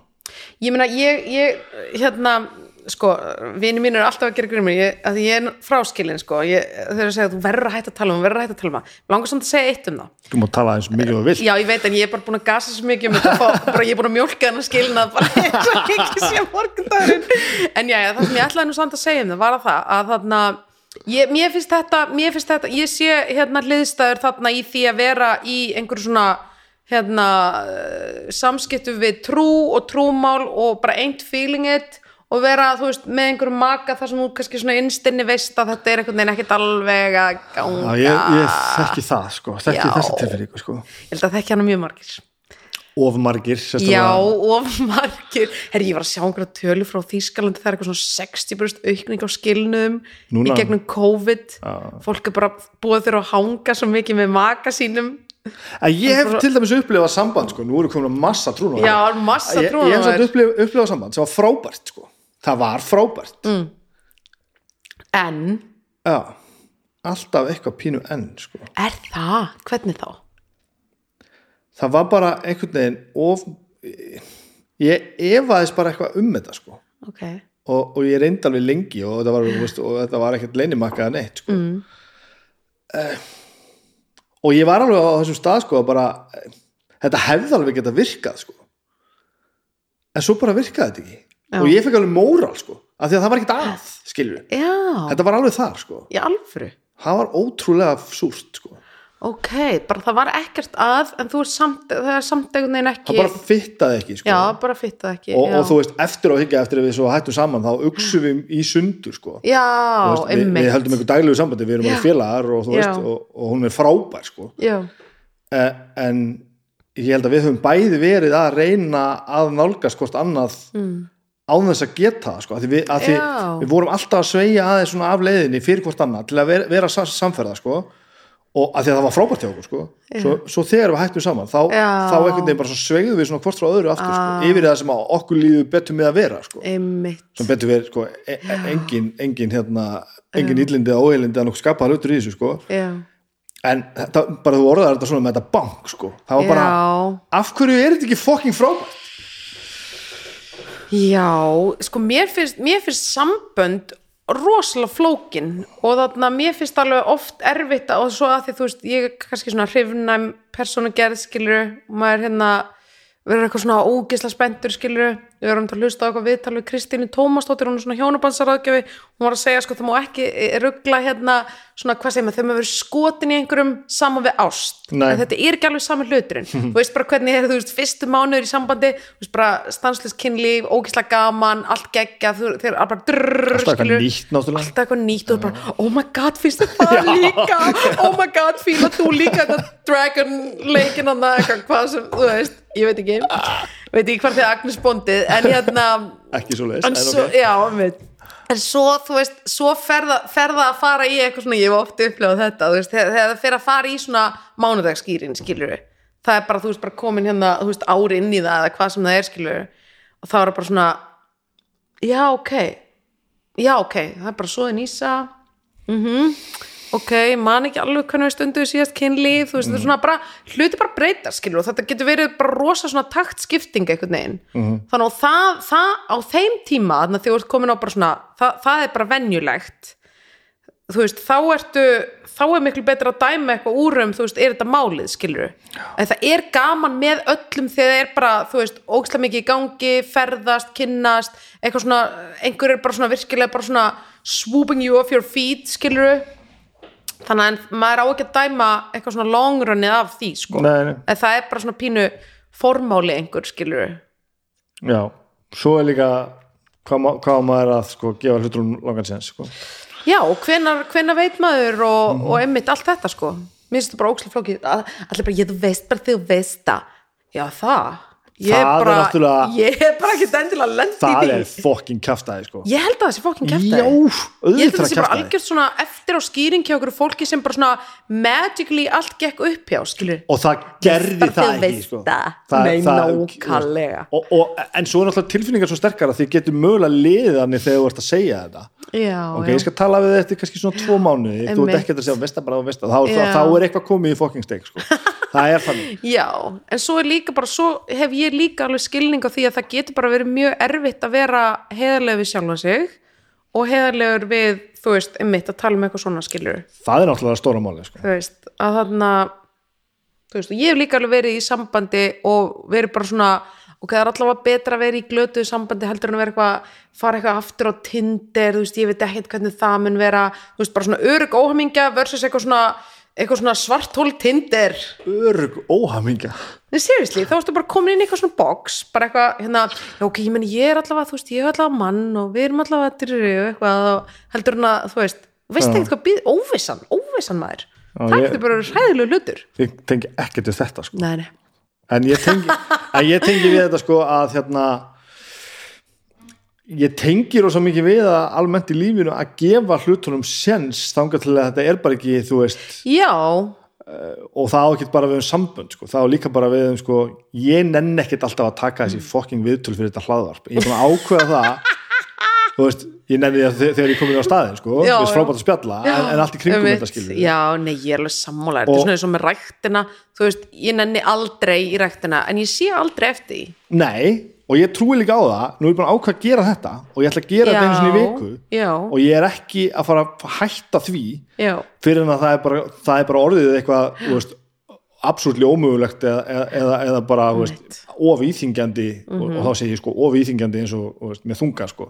já, og þess vegna gerir maður þetta til Já, enda sko. já. en svo kemur bara einhverjum barriðra sem að bara ég held að Guð sé bara ekki til sko. Veist, ég, ég set einhvern veginn allt í lífinu bara á þennan sama stað. Já, en fjandinn hafa ég verð að vera viss. Fyrst ég er búin að ganga þetta svona langt Já. þá verð ég að vera viss. Já, nákvæmlega. Og svo er líka, ég held að manneskjunni sé líka eðlislegt að, að allavega mér að hérna halda með voninni og standa með voninni og vona að Mm. Já, hlutir geti batnað og breyst og að, að það geti hérna, jú, jú, það er erfitt núna en þú veist, vonandi erum við að fara í á lignari sjó og allt slíkt skilur og það getur líka hjálpa manni en það getur líka verið sjálfsblekking. Það er bara oft erfitt að vita hvað er hvað en mér finnst það, mér finnst, bara mjög flókið að vera til. Þú veist, það er rosalega gaman en það er alveg flókið. Þetta, ég hef aldrei verið svona típa sem er bara eitthvað svona æ, veistu, svona óþálandi típi sem er bara eitthvað dururu, fundu maka, átjónara, fóru lögfræðina dururu, komum þarna, dururu.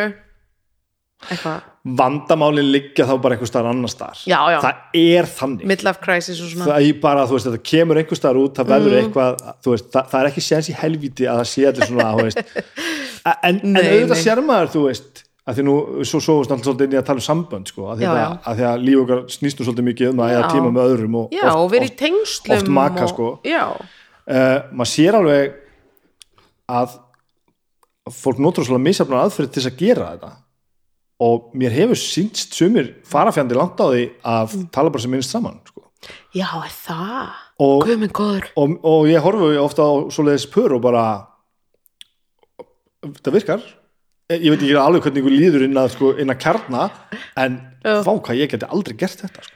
ég þarf að tala rosalega mikið ég held bara, ég trú á samræðinu ég var um að hlusta á hérna Svanildi Holmhjör Já, mér finnst hún gegguð það, típa. það, nákvæmlega, það, sem hún var að segja sko. fannst þið það ekki aldrei gott? Briljant og hún segi bara, þú veist, ok þú veist, hérna, ef það er eitthvað krumt, þá tölum við um það við tölum bara um allt. Já. það er bara, hvernig ert þú núna, hvernig þú veist, eitthvað svona. Skilur ég bara, ó já, ég vil vera í svona sambandi. Bara, þú veist, það bara já, ég veit ekki, ég hef rosa eh, trú á samtalinu og líka bara bæði ef við útvikum það aðeins þú veist, bæði í hérna, vin, hérna makavali og með vini og með svona stór verkefni sem maður er í, skilur bara, þú veist, að vera í virku samtali. Þú veist, þá bara vita allir, já, ok, nú erum við hér þú veist, nú erum við hér, skilur það bara svona mér finnst það bara fallegt, prófaði að vera nýjum hana drikkjuhljómsveit síðan 2006 oh boy. Ef þú ætlar að láta það gangu Já. þá þurfa allir að tala saman mjög mikið og reglulega. Og þetta er nákvæmlega. sami hlutur. Já, er það ekki? jú, það er ekki munur á þessu. Einmitt, og svo líka bara einmitt nýju manna hérna einmitt hardcore Það hardcore prestur, sko. tónlist og ég, nákvæmlega. Geggjað. Heimi sko. já, en þ- vá hvað þú hlýtur að hafa tekið mikið lærdóm út úr, út úr bandinu og þú veist hérna starfinu í gegnum það. Já, bara og, og, eins með skálmöld sem er kannski svona öð, öðruvísi flókin veist, Já, það, já. það, er, meira svona umfang. En þetta eru svo stærstu hjónabönd í veröldin já, nákvæmlega. En svona lærir maður að verða manni Já, að verða mannesku bara ég held það. Og líka bara svona einmitt, þú veist, það er líka svona einmitt hérna, ég get alveg um að þegar við fengið fullt af svona senum upp þar sem að þú veist, einhver var ekki að hafa með í ráðum og vissi ekki alveg hvað var að gerast og kemur inn býtu hva, hver ákvað þetta? og eitthvað svona, þú veist, það er bara þá var kannski ekkert, þú veist, þá var ekkert verið að að skilja neitt út það Nei. bara glemdist eitthvað svona, en allt svona lítið getur triggerað eitthvað annað, skilur Já, þarna komum við nú ef við svoumst aftur inn í sambands hérna umræðina sko. Eh, eh, mér hefur alltaf liðið þannig að sko fullkomna sambandi er þannig ef, ef, ef þú getur alltaf verið viss um það og ekki bara samband, líka bara öll samandu fólk, þú getur alltaf verið viss um það að það er ekki verið að reyna að klekja þig sko. Já, já, já, ef þú upplifir eitthvað bara, herðu, af hverju hérna gerður þetta? Og svo tala við mig, að þú veist mm hva, hva, hvernig er þetta?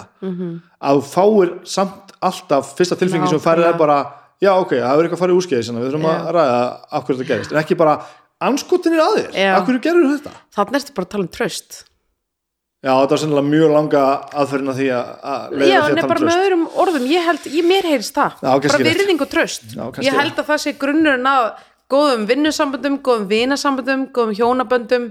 Þú veist, ef þú ert til í að, bara, ef þú berð virð, ef ég ber virðingu fyrir þér og treysti þér fullkomlega og það er væs versa, þá erum við bara með mats hérna, já, já. ég er ekki að segja að þú er að skilja Nei, fattar hvað við, þú veist, þetta, þetta er málið. Já, já. en svo ef, að, og svo, þú veist, svo ef að það er eitthvað að klikka þarna þá bara náttúrulega klikkar eitthvað along the way skilur við ég, meni, ég held að þetta sé bara svona uppskriftina að grunninum. Og þetta er alltaf að sama skilur við það er líka svo fyndi við erum alltaf eitthvað Hvað er hver er ég, þetta er alltaf að sama bara, veist, taktu millivegin í sirka öllu mat og drikk, hreyfingu, lífstíl og þú veist, síndu virðingu og tröst og þá færðu það á móti. Já. pretty much það er frá, sko, frábært að hafa þig hérna fráskilda þegar þú ætti að segja mér eitt. Þú ætti ekki börnina nei, ég hef ekki bönn, ok, sko, ég var að ræða Vagnesi í, í vikunni. Við erum alltaf giftum okkur í sumar. Eru það spá í þriðja? Nei, ég er búin að taka mjög sambandi. Það verða ekki, það verða ekki fleiri í alvöru? Já, þetta er búið, ertu sko. búin að taka þú samt eins og gaurin í exit eða ertu raunverulega búin að gera það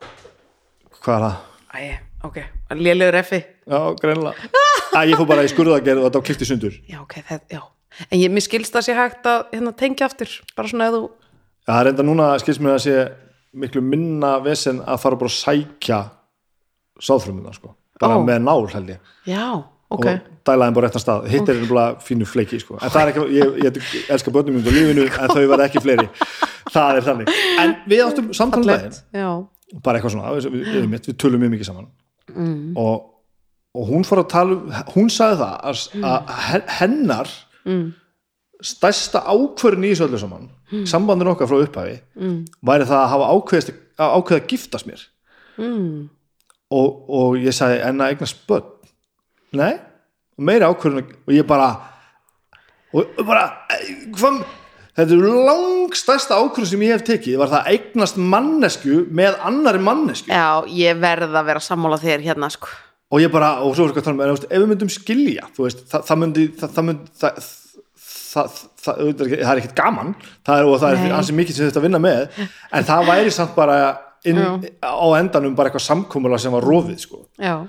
Já, hún var bara ekkert alveg sammála þeim, sko wow og bara, og hvað það voru einstæð móður ég, þú veist, við erum búin að skilja og svona, já, við getum alveg unni með það, sko. Ég bara ekki, ég bara ég myndi að vera miklu stærri ákvörðun að eignast bann með einhverjum heldur en að giftast ég er að snúa eitthvað pínlítið út úr það hlýtur að vera, sko. En þetta var samt orðið bara, ég var bara, já, það vantar eitthvað púslina af því að Agnes er mjög skynsum manneskja. Já, e, tökum reyndar til greina hún er reyndar besta móður sem að sko, ég hef séð sko. Og ekki bara því hún er svo frábær manneska sem hún er, heldur líka bara þetta er henni svo, þetta stendur henni svo nærri að því. fyrir hana eiga börn Já. er bara eins og fyrir mig að eiga ramaskýta sko, þú veist, já, hún er, já, þetta er rétt hún er náttúrulega rosa svona hlý og svona einhvern veginn bara, og þetta er bara allt eðlilegt, það kemur að því Já. bara að sjá um fólk, hvort sem það er Já. börnin hennar eða einhver annar, þetta er Já. alveg ótrúlegur eigin ekki, sko. vá en hvernig var þú til dæmis að ákveða að skilja þá, þegar maður er ekki eldri Mm. en þetta já, mitt uh, hvernig, það er ekki gaman Nei, það er augljóslega ekki gaman.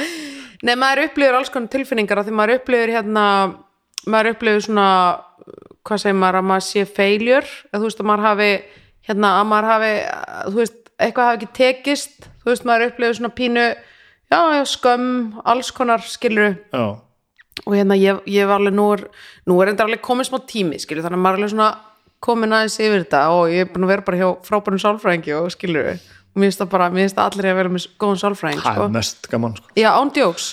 Nei, ég meina, hvað, hvað viltu vita? Þú veist, þetta er bara, Ég heldur sér að- að pikka í það hvort að hverju munurinn á að skilja eða hætta saman sko, ég held að þarna, þegar þú ert búin að gifta þig, þá er komin svona aðeins meiri alvarleiki í þetta, skilur Þú veist, það, það er bara aðeins erfiðara, þú veist, og því að þú ert búin að skrifa undir eitthvað plagg og það er búið að þinglýsa því hjá síslumanni og Já. það hefur einhver aflengur og það er eitthvað sameiginlega lán og eitthvað svona dót, skilur Þú veist, þannig að skriffinskan er aðeins meiri og svo er náttúrulega, þú veist, eins og kannski Agnes hefur verið að benda á, þú veist, það er rosa svona, um, sérstaklega við tökum hérna ömmur okkar aftur, þegar þú ert búin að gifta þig, þá ertu bara búin að gifta þig. Já. Þú veist, það er kannski líka eitthvað það, En ég er sammála því og ekki, ekki miskilja hjónabandið okkar skipti mi- miklu máli sko, og, og, og reyndar þegar við gerðum þetta á endanum enn meira máli heldur en hélt Já. Ég var að, það, þetta gladdi Já. mér rosalega mikið sko.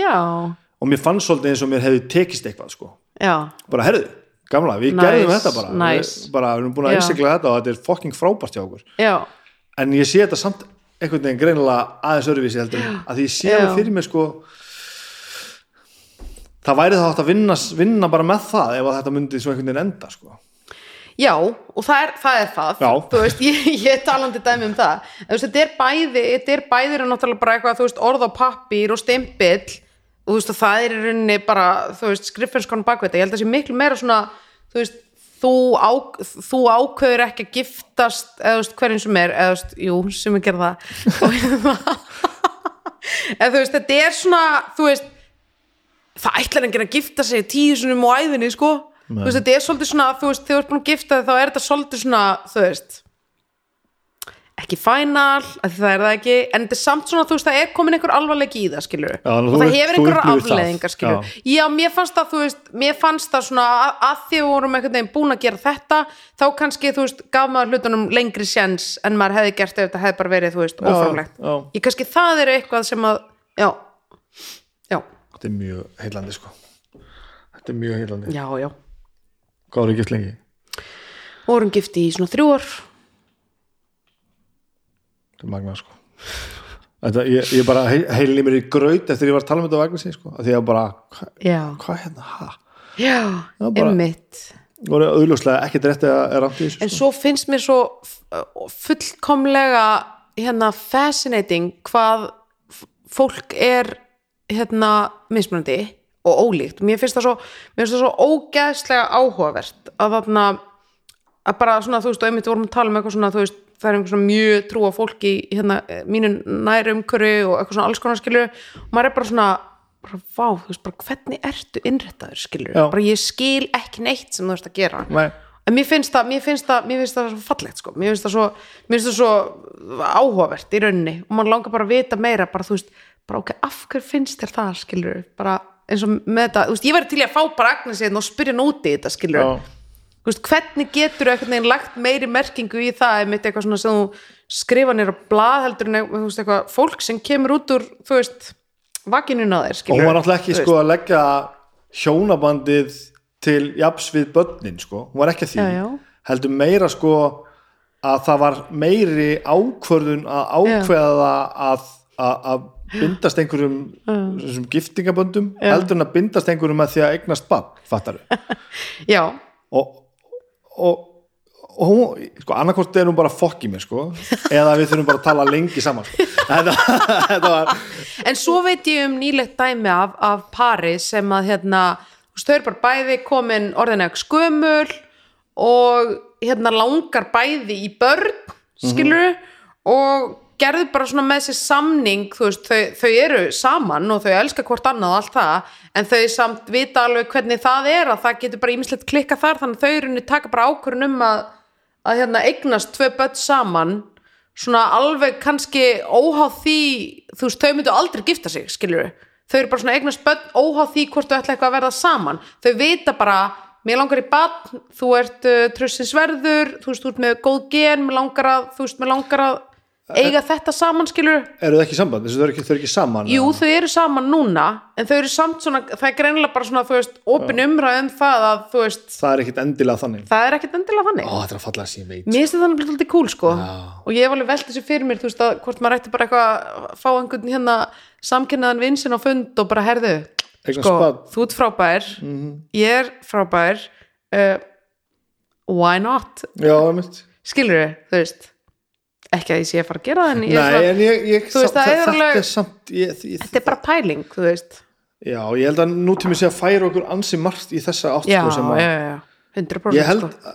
sko. sko mér finnst fullkomlega frábært að sjá uh, ég sé er aðeins í svona mínu næri umhverju vini mínu sem að hafa skilið við konuna sínar eiga börn. Já, og þau samböndur eru frábær. Já, fráskildu fráskilda fólkið já, sem að drullast til þess að halda frábæru sambandi já, þú veist, fyrst og fremst náttúrulega vegna barnana sína Já. en þegar að kannski það er hægt að vera afsökun Já. þá er sambandi bara frábært. Þeir eru bara fráskilin og svo hittist þið bara í mat Já. og börnunum ykkar líður vel. Og þetta er besta sem ég veit sko. Ég held að við séum svolítið sömu slóðum að sem mútið að tala um þetta bara langar bara að egna spatt er ef að ég get tryggt það að barninu mínu líður vel af hverju þarf þetta endilega að vera eins og mamma mín og pappi höfðu þetta og allir að, og svo er annað með það sko af því að allir voru svo hamingjössami þá. Er þetta fucking Hell grínast? no. þegar ég horfið hérna tilbaka inn í 80s sko, þegar að þeir vini mínir sem að byggu ekki hjá báðum fóröldur sinni voru skrýtnir. Þú veist, þú ef þú átti fráskilda fóreldra og maður svona bara já, býr já, hann ekki á mömmu það og var pappa svona þá var það bara svona og pínu bara samfélagslega erfitt sko. já, bara ég, mikið er ég nú heppin að búa hjá báðum fóröldur mínum og allir hinnir eða ekki eins og heppin heldur rosalega það nú eðlilegt og gott. Svo horfum maður tilbaka núna og bara Mhm. hversu margir af þessum vinnum, vinnum hans sem bjó, byggu hjá giftum fóröldu sínum á, á eðlilegum heimilum hversu, á hversu mörgum stöðum var bara allt í fokking steik sko. bara þú veist alkoholismi, framhjóðald, rögl eða bara léleg samskipti eða bara þú veist, bara listin er langur bara sko. óhamingja, bara algjör óhamingja sko. Sem hefur miklu betra bara að- skilja og, og þú veist, Já. gera svo bara gott úr því sko. Já, en þetta, þetta er nákvæmlega rétt sem hún segir, þú veist, samfélagi hefur verið að færast úr þessu hérna, þessum gömlu gildum og þetta tengist líka eins því sem vorum að tala áðan um, þú veist, hvernig var rætt um geðsjúkdóma, erfileika, kynfyrsofbildi, allt þetta hérna samkynnið í gamla gamla dag skilur það var bara allt annað. Það var bara, rammin var svo stífur. Þú veist, rammin er ekki jafn stífur í dag sem er frábært, því ég held að fólk geti þá verið bara aðeins frjálsara skilur þú veist, að hérna og eins og bara ég var að lesa einhverja grein um daginn um svona pólísambönd Já. og þú veist það sem að það er bara þú veist, það er bara, þið eru saman en ykkur langar bara stundum að vera með einhverjum öðrum og gera það. Og það er bara, þau voru um þetta að tala um bara, þú veist góð samskipti eru líkillinn að hérna góðu hvað sem, þá er þetta bara svona opi hjónaband eða þú veist, þú bara svona, þú veist og það er bara svona, mér fannst þetta eitthvað svo mér fannst þetta bara eitthvað svo heiðilegt hvernig var að tala um þetta. Þetta er bara, herðu, þú veist, ég væri alveg til að prófa þetta, hvernig líður þér með að ok, erum við saman í því þá að prófa þetta, skilur, að ég veit ekki ég bara, ég held að komi allt niður á bara einhverjum svona heiðilegum samskiptum, skilur og ég held að þegar maður byrjar að prófa þetta þá fattir maður líka að þetta er sami heiðarleikin gegnum allt sko. ég held það, alveg sama Já. hvort þú vilt sko, hvort þú segir mér alveg sama þegar þú vilt fá kjött í matinn Nákvæmlega. eða þú segir sko mér langar að ríða þessum sko. Já. Það er engin það á líka. þessum heiðarleika stuðli sko. Heiðarleikin nákvæmlega, ég er ógeðsla sammála þessum punkti og líka bara þegar þetta kemur líka punktin sem vorum að tala um aðan, þú ert þá að vita hver þú ert, þú ert þá að vita hver þú, Já, hvað þú vilt gera, skilur að þú getur, þú er bara svona svolítið að, að taka ábyrð á því, bara hvað langar mig að fá út úr þessu lífi, eða út úr þessum heimi út úr þessum samskiptum, eða hvað það nú er, skilur og ég meina svo ef þið langar ekkert að opna sambandi, þá segir bara nei, nei, nei að sjálfsögðu þú veist, og bara ég, ég hefði engan áhuga á því en þú veist, ég meina, mér finnst það allt í lægi þú veist, ef maki myndi spyrja mig að þessu þú veist, auðvitað ætti ég bara að taka umræðin og bara, ok, af hverju langar þið það, ok. Ég meina, þú veist, bara skoðum þetta, bara tölum bara heiðalega um þetta. Það komum við líka að því sko að það er ekkit svo langt síðan og kannski er það líka sumuleiti ennþá þannig að svo margt sem var bara automatist óeðlilegt já, já, eins og þetta bara, viltu sofa hjá einhverjum öðrum en þú ert giftur? Og þá var það bara eins og það var eitthvað stórkostlega fyrirlega svo var Já. bara haldið eitt sveitaball og það gerðu það allir sko. það gerðu það allir, Ná, það veist- gera það hvort þið er alltaf allir, við ég, ég veit að þú veist, ég bara veit það að framhjóld eru sko þau eru bara gríðalega mikið tekin í, í dag og bara hafa alltaf verið algjörlega. en það er alltaf svona, þú veist það er alltaf svona, hérna einmitt, það er eitthvað allt annað heldur en bara, þú veist, fólk er ekki dæmt jafn hart fyrir það einhvern veginn heldur en að ef það vil hérna verið í einhverju opnu sambandi skilur hver er sjokk, Já, hver er, hvert er sjokkið við að vilja verið í opnu sambandi? Ég skil það bara ekki. Já, meina það. Það er mei- meira, þú, það er meira drulla yfir fyrir að vera í opnum sambandi heldur en að ég held það, ég Ah, held það. er ég held það, ég ég veit það ekki ég hérna, það er svo er náttúrulega mis, mismandi við hvernig þú ert að tala og svona sko. En e, sammála, þetta kemur allt niður á heiðilega já, þetta það veist, sko. og bara í, í litlu sem smáu hlutunum, skilur, finnst þetta kaffi gott? Langaði í meira, Já, já. þú veist hérna, bara hver ertu finnur náttúrulega- bank, finnur bank innra með þér? Helvítis Þú banki, veist, þú, ert þú bara að krakka þetta allt Já. saman með að nefna þetta sem kalla þetta banki Já, en það, þarna, þú veist, þannig upplýði ég þetta og þú veist, mér er bara gaman að þú sérst að tengja við það, skilur, þetta er bara eitthvað það er eitthvað í þessu, sko. Ég lærði rosa mikið af þessu, þessari stöðu ég læt hluti mjög sjaldan núna sko A, ég læt hlutina mjög sjaldan fara þangað að ég sé farin að efast mjög lengi sko. Já, Bara búin að vera í einu mjög lengi. Og bosla vel giftur svo reikalega, sko, svo ótrúlega. Já, en líka sko bara aðst sko, já, eh, ég, ég, ég er farin að meta aðstæðuna betur þegar það er ekki verið að banka sko. já, Alltaf líður mér ógeðslega vel í vinnunum minni. Já, uh, og ég er rosalega góður í sem ég geri Já. að vinna á þessu auglýsingastofu já, uh, en auðvitað náttúrulega er alls konar utanakomandi sem að þú veist, mann er býðst og maður er að skoða og horfa í kringu og eitthvað. Mhm, en að því að mér líður svo vel í vinnunum minni þá er, að því að nú Ah. frekar nýjum gett samt sko, Já. þá er ég fann að meta það samt svo mikil sko, vinna mín er að gera mér svo gott sko. Já, hún er bara fastur punktur í tilvörunni að koma allir fram við með að verðingu Já. uh, ég get tala við alla sér að vinna með. Og ég, ég, það þyrft að koma sér mikið til til þess að ég myndi taka Akkurat. stökkið Já. í aðstæður þar sem að eitthvað gæti fara að banki hausinn á mig sko. akkurat já, uh, þetta er fín lína þegar maður vill ekki heldur staðna sko, ég sem betur fyrir vinnu það sem að það er bara ekki bóðið að staðna nei, þú ert alltaf að vinna með nýtt hugmynda, nýja herfæra, nýtt konsept skilur en svo er væri alveg hægt að snúa svo við þú veist, ef þú væri byrjar að heyra banki hausnum á þér, skilur þú veist, og þá ertu nákvæmlega að segja, þú veist, þú myndir ekki leifa því að vera í gangi einhver fjögur ár. Þú myndir svona kannski Nei. konfronta það, tala um það eða þú veist, og auðvitað held ég að Eitthvað líka, líka auðvitað að, stoppa þessu luti þegar maður konfrontur á strax. Já, konfront ó, ó já, ó já. Og, li- en þetta, þe- þetta því miður hérna, eins margar sjálfsálpa bækur og svona live, how to do live bækur þú lest, þú veist mín reynsla er að þú verður bara daldið að taka þetta á einn skinni, sko, þú verður bara að læra í gegnum daldið þína reynslu, ég vildi að vera öðruvísi skilur en hérna, en svo eitt, eitt, eitt svona ráð sem ég hef oft hugsað um og segi þetta stundu við vinkunum mínu og svona þegar mitt er eitthvað tækifæra bjóðast eitthvað svona og fólk er eitthvað ekki efins, nei ekki viss og er svona eitthvað það var ein daldið góð lína, það var sko if it ain't a hell yeah it's a no. Já, mikið er þetta gott. þú veist, þetta er svo og þetta er ágætt að svona dundri sinni í aðstæður, þú veist að velta fyrir þú veist, er þetta bara eitthvað sem þið langar bara gríðarlega mikið? Eða, eða ertu svona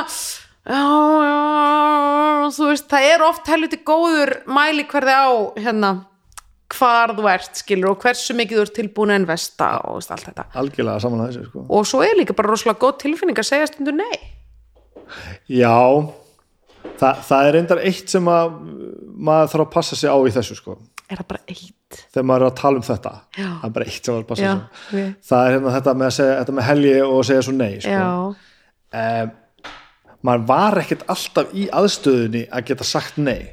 Nákvæmlega. Og maður var ekkert Sammála. alltaf í aðstöðu þar sem maður gast leiftir að taka einhverju sem var bara helgi stundum verður maður að hugsa bara algjörlega. Herru, ég verð að taka þetta hérna en ég ætla að þá líka að gera það eins fokking vel og ég mögulega get sko. það er daldið þegar þú ert einmitt svolítið og ég tengi algjörlega við þetta, þú ert að byggja upp þinn karriér þú ert að svona finna út úr í hver þú ert og hvað vilt vera og þá kannski tekur alls konar hlutum skilur og ert tilbúin að prófa. En ég, ég var hérna ég saði mitt við hérna, uh, hérna mannski sem ég er að vinna með um daginn við vorum að fara í eitthvað verkefni og, og hann býður mér einhvern svona skítasamning og ég, ég horfði á þessa tölu og ég var bara herðu, veistu það, ég er hún 35 ára gömul. Ég er hætt að gera lélega samninga.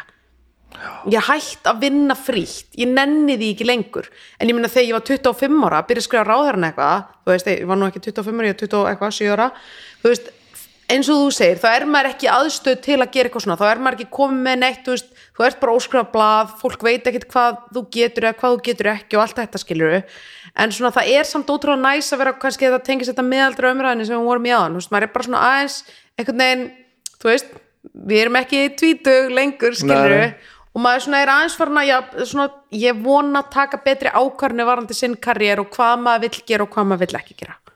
Já, að því maður getur það líka. Að því maður getur það. En ég held að besta heilræði sem okkur getur fengið sérstaklega svona í upphæfi einhversu feris eða hvað, sem- hvað sem þú ert að gera já, er bara að þú gerir það sem þú ert að gera vel sko, 100% þá kom hlutinni til. Já, en ég er eins og að, að því að við talum á þetta með að vera látið vinna frýtt eftir hugmyndafundina já, tölum svo bara saman eftir tvo mánuði. Það er þessi mörg ár síðan ég tók sko meðvita ákvörðum að fundirnir enda aldrei svona. Nei. ef ég kem með einhverja hugmyndin einhvern fund akkurat, og segja, herru, ég er með þessu hugmyndina. Uh, þú veist, mér dætti höfum gert það svona. Eða, eða þú veist, ég til ég eitthvað samtal sko. Mhm. -hmm. og ef einhver segir bara, já, ok takk þetta aðeins lengra, við skulum tala Mhm. saman eftir mánuð, þá segi ég nei, nei, nei, nei, nei, nei. Já, ég er ekki að fara að gera það sko.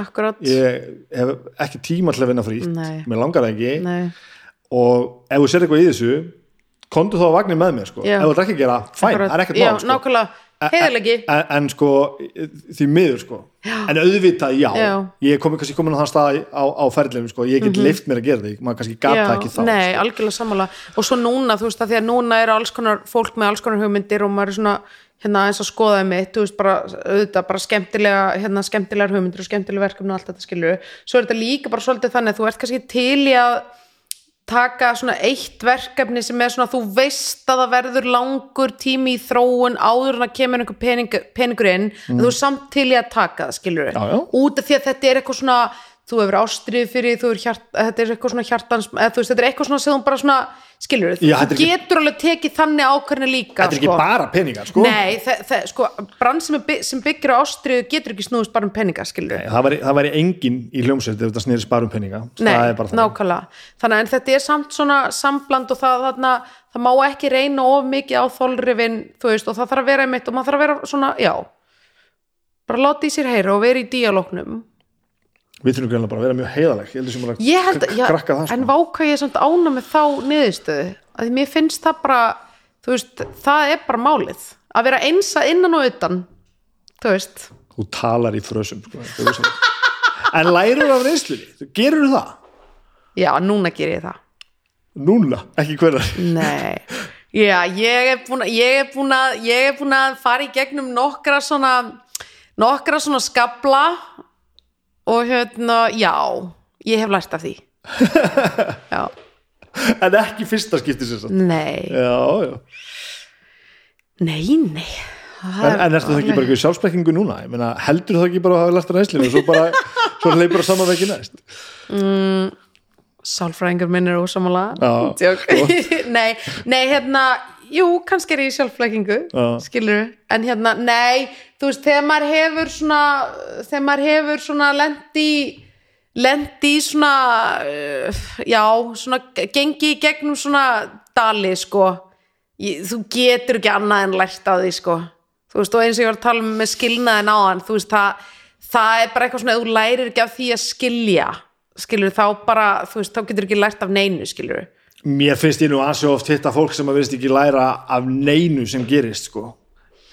Já, þannig að ég held að þetta sé nú, þú megir nú ekki tala það niður að það sé sjálfgefið að læra af því Nei. sem þú- klessir á sko. eitt sem ég veit að ég lærði af ráðherranum það var þólimaði já, ég er ekki eitthvað svona þólimaðus mæðis meistari langt í frá en ég veit að ég lærði það þar. Já, já. þá að því þú veist, þar ertu bara í ferli það tekur bara ógislega mikið tíma. Og það er ekki, það er ekki einhver leið til að hraða sér í gegnum það eða keira þetta bara gegnum eitthvað svona. Ferli knýr þig til að hérna taka öll skrefin og bara þú veist það þarf bara hlutinni þurfa að liggja og þurfa meiri yfirlestur og meiri þetta. Skilur því ég finn það bara, bara svona gjörsanlega á eigin skinni. Þú veist það var eitt sem kom í gegnum það skilur og þú veist ég, ég allavega, ég, já, ég allavega ég finn það skilur en ég þessi góð sjálfsblekking þú veist nöðsileg já, hún þarf að vera sjálfsög við þurfum alveg, alveg, alveg dassa að blekka sjálf okkur þegar- allt er að fara til helvítis. þá verður maður aðeins má maður aðeins, þú veist aðeins. sér bara kampavín í hérna þegar flugvélin er að krasa skilur Það er þannig. það er bara, þú veist já, en um, eitt sem ég hef líka að þú segir þetta, eitt sem ég hef líka lært sko, flugvillin krassar yfirleitt ekki sko. Nei. Um, ég er ekki að segja að maður getur bara sleppt höndunum og, og, og, og beðið til Guðus en ég er til þeim svona miklu betri í þeim aðstæðum bara, herðu þetta verður í lægi sko já, vissulega bara Já. 12 mínútur í hennan fund já en þetta verður allt í lægi sko. já, það, ég, það er eitthvað sem maður lærir held ég að reynslunni sko.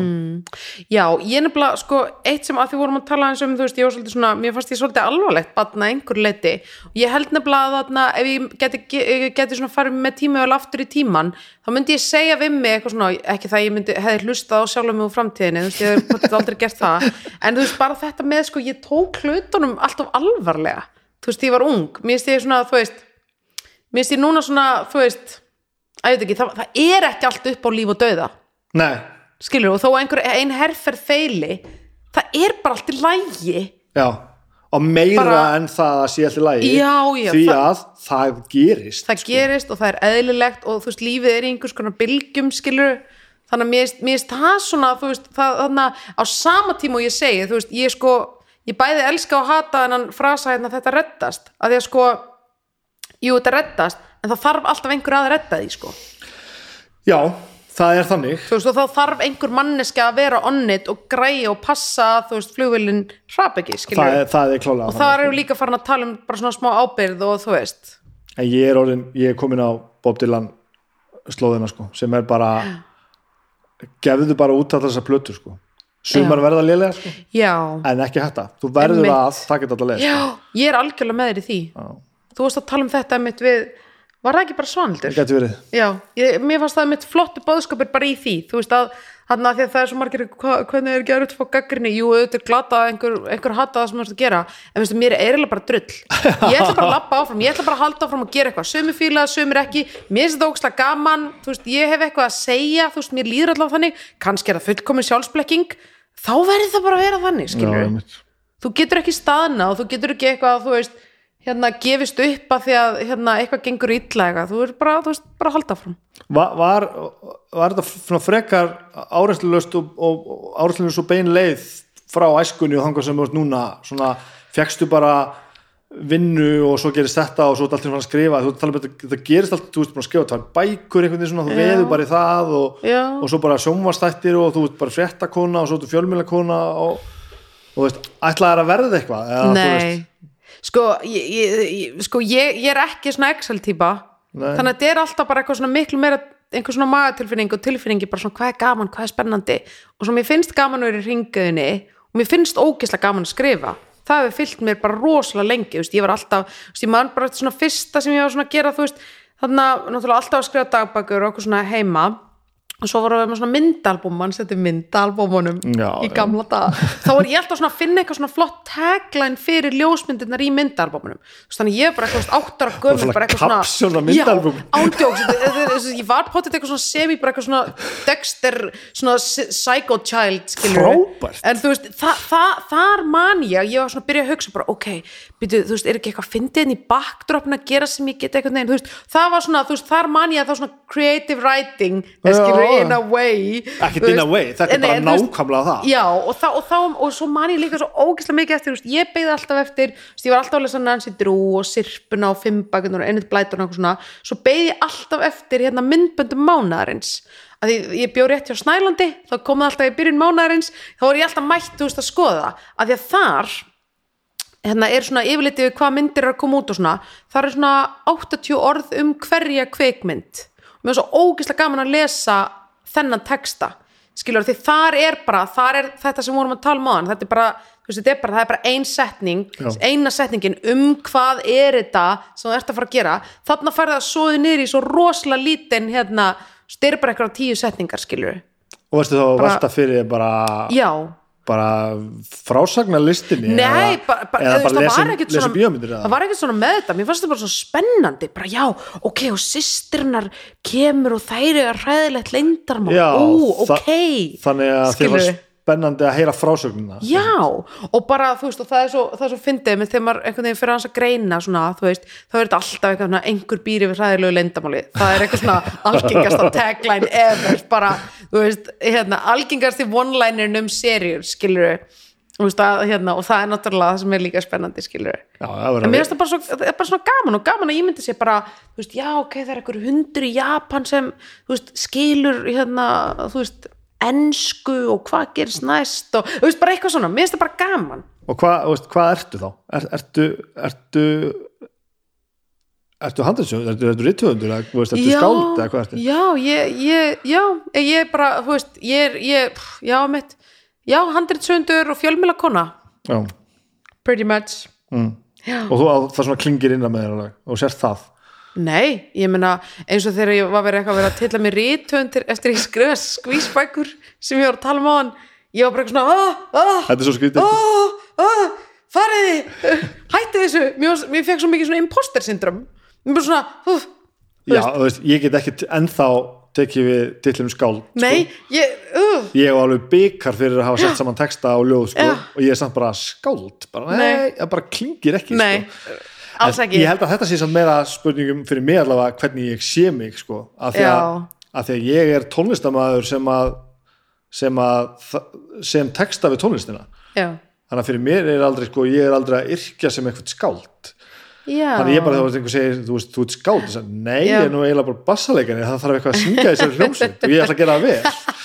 En þá fæ ég bara svona, þetta, þetta bara klingir ekki rétt um bjöllum sko. Nei, ég held að þetta sé hérna eða sko, fyrir mér er þetta aðalega bara, þú veist, ég get ekki verið með sama titil og gæðin sem skrifaði Sopranos, það er bara eitthvað mjög rangt við það, skilur já, já, já. og þá er ég ekki eitthvað svona að vera með eitthvað hérna lítillæti eða eitthvað þannig, það bara meikar ekki sens, Nei, sorry, það er bara, þú getur ekki settið á það plan. Og eins og rithöfundur, þú veist Murakami er Já, já. það meikar ekki sens að ég sé það líka skilu og þetta er ekki eitthvað svona lítilegt og ég er ekki að byggja þig um að segja eitthvað jú þú ert nú víst, veist, þetta snýst ekkert um það. Þetta er bara svona, þú veist, mér finnst þetta bara it, it isn't right. En hvað ertu þá?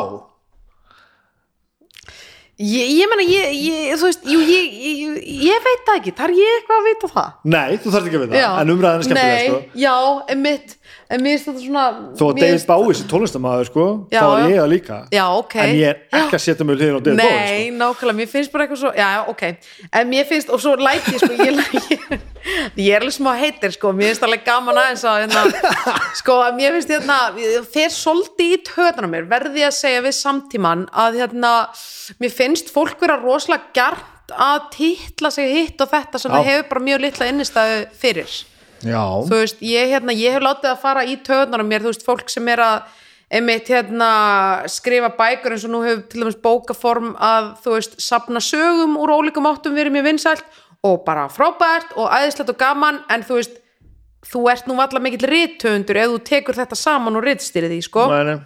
ég ger aðtöðsandi það eða svona, ég, ég, ég, hugur minn svona, ég er alveg, hmm, ok áhugavert og þetta líka með að því nú er náttúrulega hlaðvarp, ég veit ekki hvernig þú kall, kallar, titlar þig sko en þú veist, þarna fólk sem er með hlaðvarp er ekki endilega hérna, fjölmilafólk eða útasfólk eða nokkuð annað skilur. Mér finnst þið svolítið gjörna og bara svona, herri ég er búin að vera með tvo hlaðvarpstætti, nú er ég bara hérna, Já, geta rep- hlaðvarp stjarna eða þú veist. Geta reppa þig sem eitthvað, eitthvað já, mér finnst það svona þú veist lögverndu starfsæti eru til af ástæðu sko. Já, veist, ég það skil þarna- þig, ég skil mér finnst bara að ég að bera virðingu fyrir þessum titlum. Og það er ekki endilega veist, að henda þeim veist, á hvaða vaks sem er sko.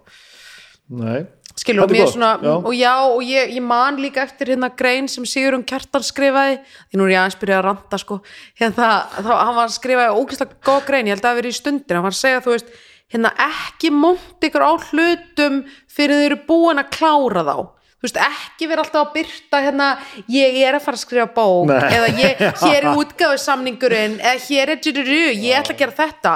Herðu, gerðu það bara og sínd okkur það og þú veist, þá máttu monta þig, skilur ég skrifa eins og skáldsögu. Já, Hún er ekki góð, já, en ég gerði það. Já, og mér þykir rosa gaman að hafa gert það sko. já.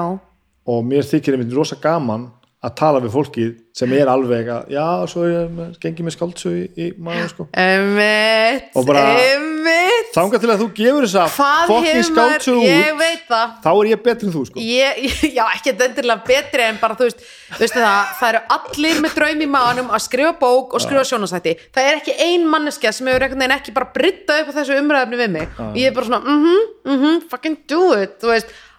Það getur þetta ekki allir og það, þú veist, það áheldur ekkert að vera þannig, skilur En hérna, mér finnst að fólk ætti virkilega að, hérna, já, smá virðing, smá hóvarð Já. þú veist, og virðing fyrir ferlinu líka, skilur það er ekki það sama að vera með frábæra hugmynd og actually drullast í gegnum eitthvað höfundaherbergi eða hérna, ferila því að bóti skáldsög og nokkuð annað.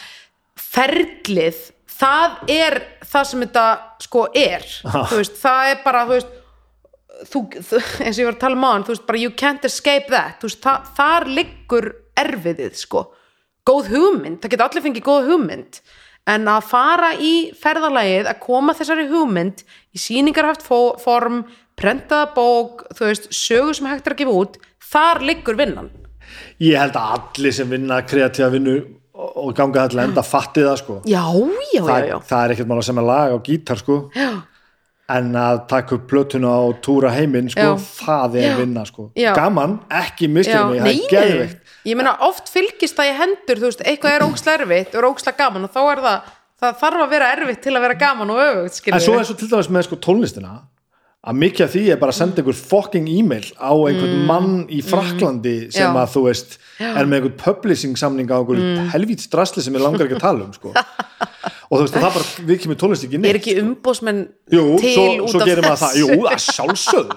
Umbóðsmenn og, svo og e-mail það er bara þetta, en ég meina þú veist, þú veist bara já, djöfull hérna hittuði vel á hérna skálmöld á góðan Já. tíma hérna í samfélaginu og þetta var bara vinsalt alveg um leið. Nei, nei. Þetta er ímyndað að vinnu stundina Já. sem ég var búin að setja í það sko, að Já. tala við þess að gera þetta og, veist, Vistu, finnst ein... þetta er það sem ég er til í að bera virðingu fyrir. Bara þú veist, vinnan á bakvið þú veist, bara þessar hérna, lau- ólaunuðu vinnustundir og bara hugsunagangurinn að vera sveittur hérna, pikka eitthvað drasli upp skilur, ég er til í að bera virðingu fyrir því Já. þú veist, en ekki fólki sem fær góða hugmynd. Það er bara, það er eitt skref af miljón í alvörni það er satt, ég er Já, svo, þúsund prósent já, saman það er bara hard work er það sem telur í þessum heimi.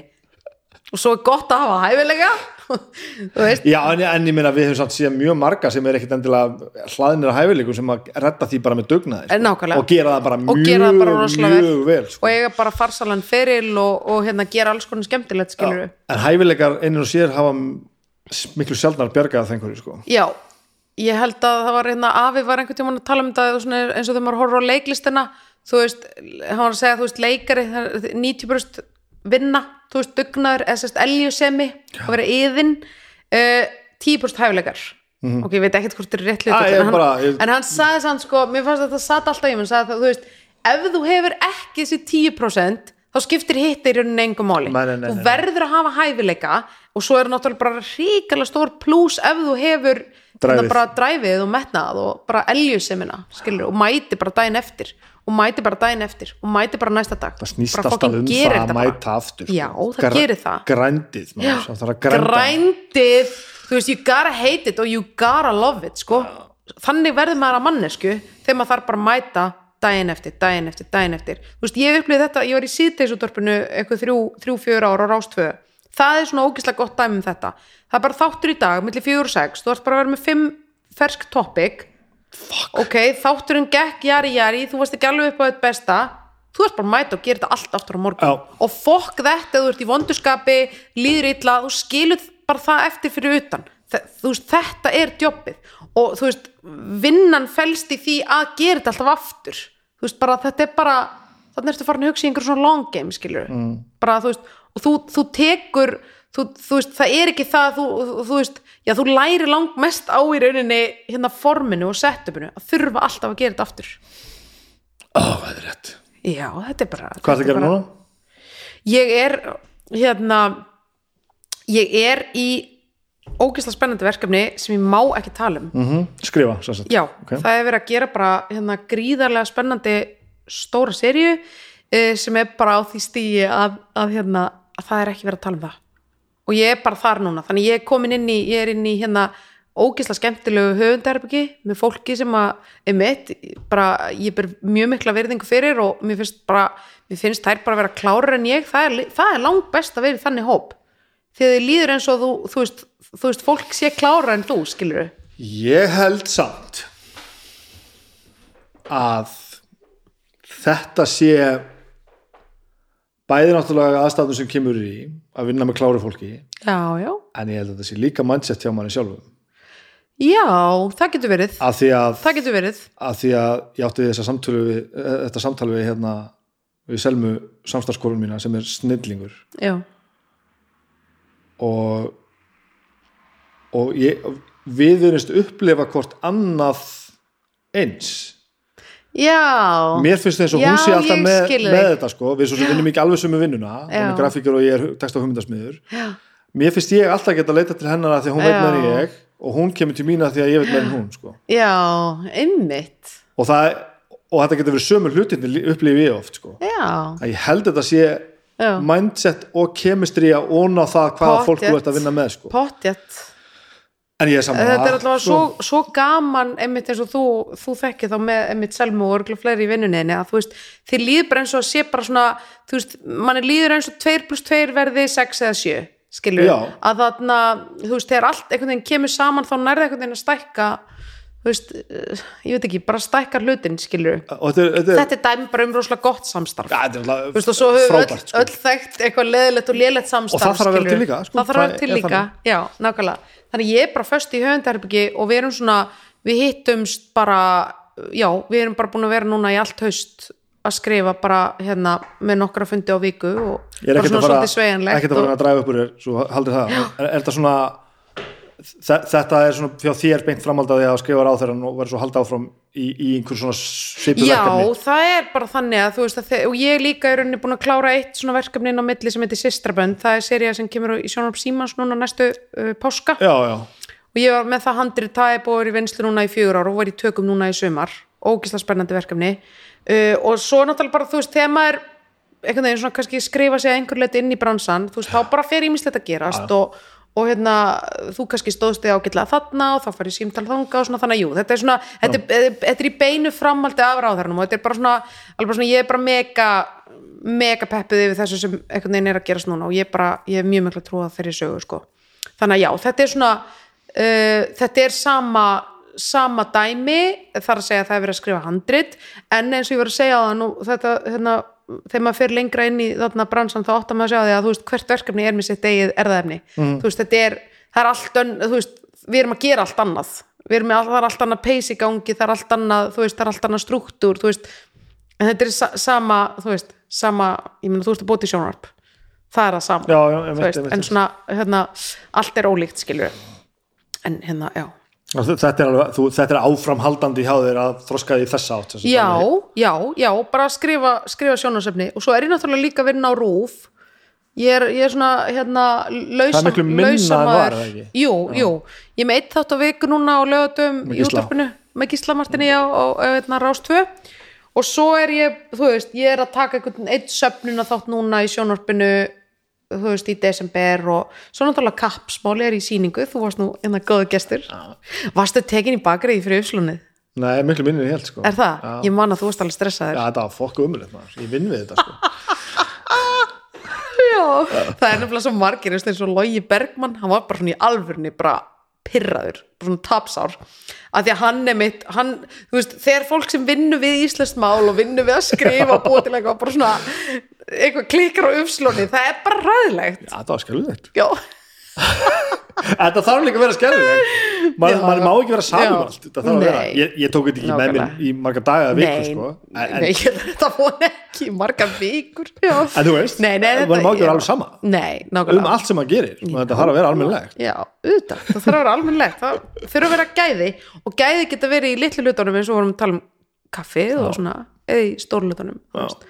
Það held ég að það ætti, maður ætti að reyna að hérna, staðsetja sig þeim megin í lífinu. En hvað áttu svo eftir Veist, hvað, hvað, hvað er hérna, að því að nú ertu geralega manniska sem að skrifa bara bækur allt og snemma á ferðlinu með hvernig þú talar og, Já, og bara giftir þig og skrifar handrit og, og, bara gerir allt.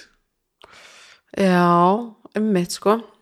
Ég er náttúrulega, þú veist ég á ekki fjölskyldulíf skilur Nei, sem að hérna eins og margar vinkunum mínar hafa farið í þá áttina bara, þú veist, eru bara konum með bara tvö, þrjú börn og bara eitthvað geggja heimili og eitthvað svona, ég hef aldrei verið þar nei, skilur þannig ég, ég finn það alveg, þú veist að það er heimur sem að hérna er mér rosalega framandi já, já, þú veist? Og ég meina, kannski á ég það eftir einhvern tíma en ég veit það ekkert alveg skilur þannig að hérna, en ég meina, ég hef bara verið rosalega fókusir á þú veist, einhvern veginn bara svona, mér finnst bara verkefnin svo skemmtileg, mér er svo gaman að gera það sem ég er að gera svona í vinnunni og þannig. Og bara vinna á rúf er bara ógislega skemmtilegt og verið beinni útsendingu eða skrifa eitthvað eða gera eitthvað, þú veist, ég bara svona hef bara svona alveg bara svona tínt síðustu bara, þú veist, 15 árum í því einhvern veginn. Þannig að ég meina auðvitað á ég þá fyrir vikið bara, þú veist, ógislega stóran part af lífum margra eftir. Já, þú veist, En þú sér það þannig að þú hefur verið að nota tíma svolítið að gera hitt já, en bara algjörlega ómeðvitað. En ég meina svo, þú veist, einhvern veginn svona ranga maður vissi núna eitthvað, já, ok, ég er hún já, ég er hún 35 ára, eitthvað ok, kannski ég ætta að fara að pæla í skilur Já, en gerir maður það? Fer maður eitthvað eitthvað meðvitað að fara að pæ- Jú, kannski gerir maður Já, en sko mál, málið það, ég var um að segja þetta vingur minn dæm, bara þú veist, vá, ég veit í alvörun ekki hvort mér raunverulega langar í börn eða hvort að samfélaginu langar bara rosalega, ég eignist börn að mér finnst ég alltaf það er alltaf verið að spyrja mig að þessu. Ætlar ekki að fara, þú er nú að drífa Er það þannig alvöru? Já, fullt. Og ég er bara svona seriously, þú veist, er að reyna veist, er að reyna, vilja að ég fái bara tauga áfallega, þú veist? Aldrei var ég spurur, ég egnaðist ekki til á 37 Já, einmitt. En, en hann að þetta, ég, já, ég finn ég sannarlega finn fyrir þessu. Og svo líka bara þó að sé ekki nefnt við þið þá bara, þú veist, hvert einasta heimili sem ég kem inn á það er bara svona reminder um bara hér fyrir fjölskylda. Skilur við, Og og, það er æðislegt. og næri þetta svona til því sem sagt. Nei, í rauninni ekki. Mér finnst þetta bara, mér finnst bara fyndi að, taka eftir þessu skilur Mér finnst þetta bara svona, bara svona áhugavert skilur og, og hérna, og þú veist og þessi barnaspurning hangir alveg svolítið meira held ég yfir konum já, ég held að það sé potið sko. og svona þær, þær hafa nú í gegnum tíðina bæði þurft að taka ábyrð á því sko hvort að börnin yfir höfu koma veist, bara þá með pillunni og öllu þessu skilur eða þá líka, þú veist þær eru oft svona, að ég allavega veit oftar dæmi þess að konuna sé svona driving forceið í því, skilur já, að vilja gera það og eitthvað svona já, já. þú veist, en ég veit ekki, það eru auðvitað mjög veist, jú, ég held að það sé nú mismunandi já, allavega svona með í kringum mig þá eru svona vinkunum mínar mun æstar í þetta heldur en makar þeirra þú veist, svona ef ég ætti að alfa hvað nú er ég búin að alfa mikið. En, en svona ég, ef ég ætti að ef ég ætti að alfa sem ég er að sjálfsögðu ekki að gera. Nei,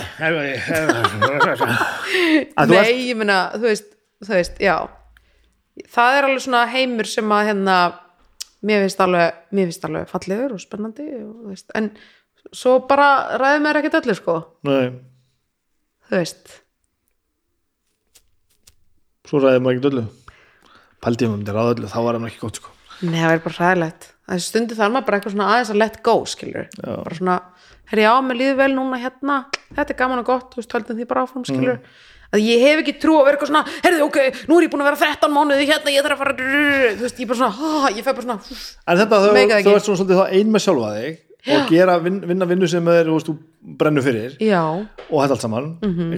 hver, hvað áhuga maður átt á uh, hvað á fer þetta ekki að renna allt saman saman þegar að, þú veist, Jú, auðvitað. Já, en mér hérna, ég er mjög svona svona, ég er svona þú veist, ég les mjög mikið mér er svona ógislega gaman að horfa sjónarbið og horfa bara á sjóna, gott sjónarsefni og nærða vera ekki vinnunni þegar þú horfur á sjónarbi Já, en svo er maður alltaf, þú veist, það er gaman að, eins og til þeim sem er að horfa með einhverjum svona, þú veist, þá er maður að greina hluti og svona, skoða strúkturinn og svona alls konar, jú, auðvitað rennur það bilað saman, get ekki sagt annað. Svo er ég bara, ég er ógislega, bara svona, ég elska að vera með vinnum mínum og fólki kringum mig.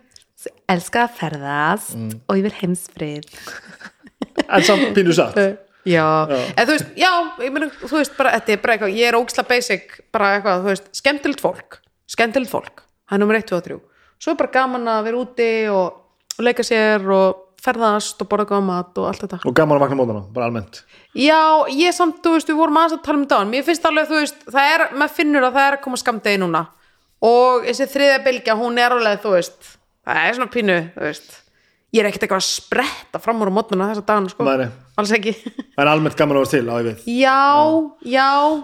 og líka bara, þú veist þarna, mér, ég hef tamið mér það að ég held að það sé að hluta til ákvörun uh, bara að sjá flottu hlutina og skemmtilegu hlutina og lifta þeim. Þú veist, ég er ekki negative Nancy. Þú veist, ég er þú veist, ég er það bara ekki. Það er mér ekki eðlislegt skilur og það er líka bara það er stundi sagt þannig að veist, það sem þú veitir aðtekli það vex. Og þú veist, og ég, ég held að það sé rétt. Og þetta líka sem við vorum að tala um á þú veist, vera bara með gæði í kringum þig þú veist, vera með fólki sem þér líður vel með og finnst þér þú lærir eitthvað að því, þér finnst gott fólk skilur, eitthvað gott í gangi. Þá er bara gott í gangi, skilur mjög gott takk fyrir að tala um mig. Já, takk fyrir að bjóða mér, það var mjög gaman að koma.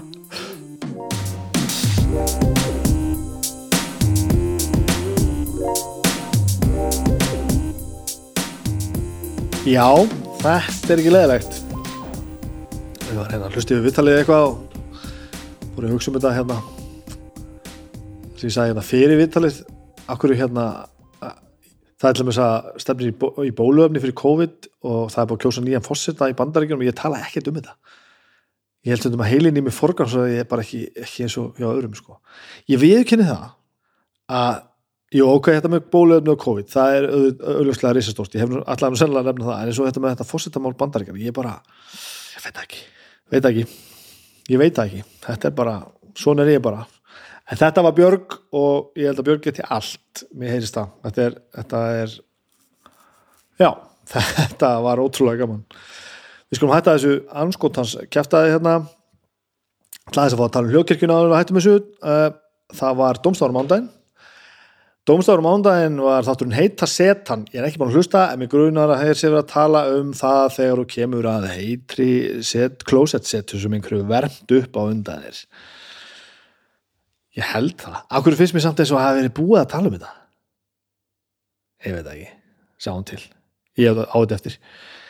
E, á þriðu daginn var loka þáttur fyrstu seríu kokkaflags um, og þetta var sleggjadóma þáttur, gríðalegu sleggjadóma þáttur það, var, það eru tveir gestir uh, Dröfn Ösp Snorradóttir Rósas og Davíð Örn Hákonarsson og Óli er að tala við þau um alls konar flegir fram alls konar dólksætti hann, hann þeir farið personlega topp 5 lista besta nammið og besta skyndibittan og hvaða matur er ofmettin og alls konar svona drull og dólks eitthvað. Og hérna þetta verður svolítið skemmtilegt. Ég mæli mig hlustu á þetta. Eh, talandi um þetta sé fyrsta þetta sé lokað þáttur í fyrstu sériu ekki neina lögur, hann önnur séri að byrja bara næsta, næsta, næstu viku og svo ekki það við skorist. Ég ætlum ekki að segja ykkur strax hver er viðmælandi það veit svo til ég veit það og það verður talað um súrdegsbröð á miljón alveg á miljón í gær og miðugudag var náttúrulega drauga fortíðar. Um, þar eru við með dulafull örlög Dupont de l'Unions fjölskyldunar Lyonnais, ég veit það ekki, franska en svo Flossi skrifaði mér nú beinum við sjónum okkar að einu óhugnalegasta og sorglegasta sakkamáli síðustu ára. Hvað gerðist eiginlega í róli útkverfi í frönsku borginni Nantes í aprilbyrjun 2011 þetta er er ekki lett með til sko, ég er alltaf að vittlust farið líka á Facebook síðuna hjá, hjá, hjá hérna, draugum fortjar og, og finnið, eða hljókirkinu og finnið hérna live streymi sem voru með það, hljóð og mynd í sam, samvinnu við þekkingarna þingainga, það var mjög skemmtilegt. Mjög skemmtilegt. Mikið að gerast hjá draugunum.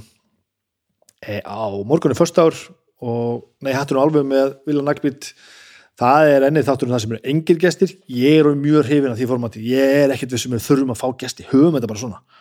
Þetta er, þetta er alls konar. Ég, það er nógum að tala að það.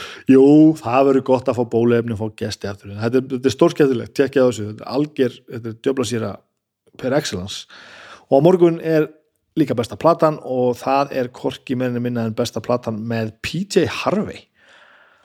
Það er nú tímabært aldelis það er nú ekkit öruvísi mikilvægt verkefni og við förum hátt og förum mikinn sem var mjög gaman. Annars ég, ég er nú bara að fara að hætta þessu djöfulsins rugli.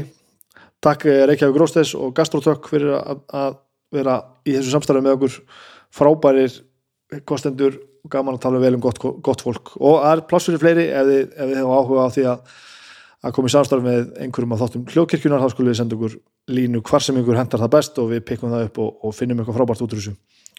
Og því hinn sem er að hlusta bara haldið það fram að bara læka og deila og gefa stjórnun og skrifa umsagnir og þetta tikkar allt, þetta er það sem hjálpar okkur mest.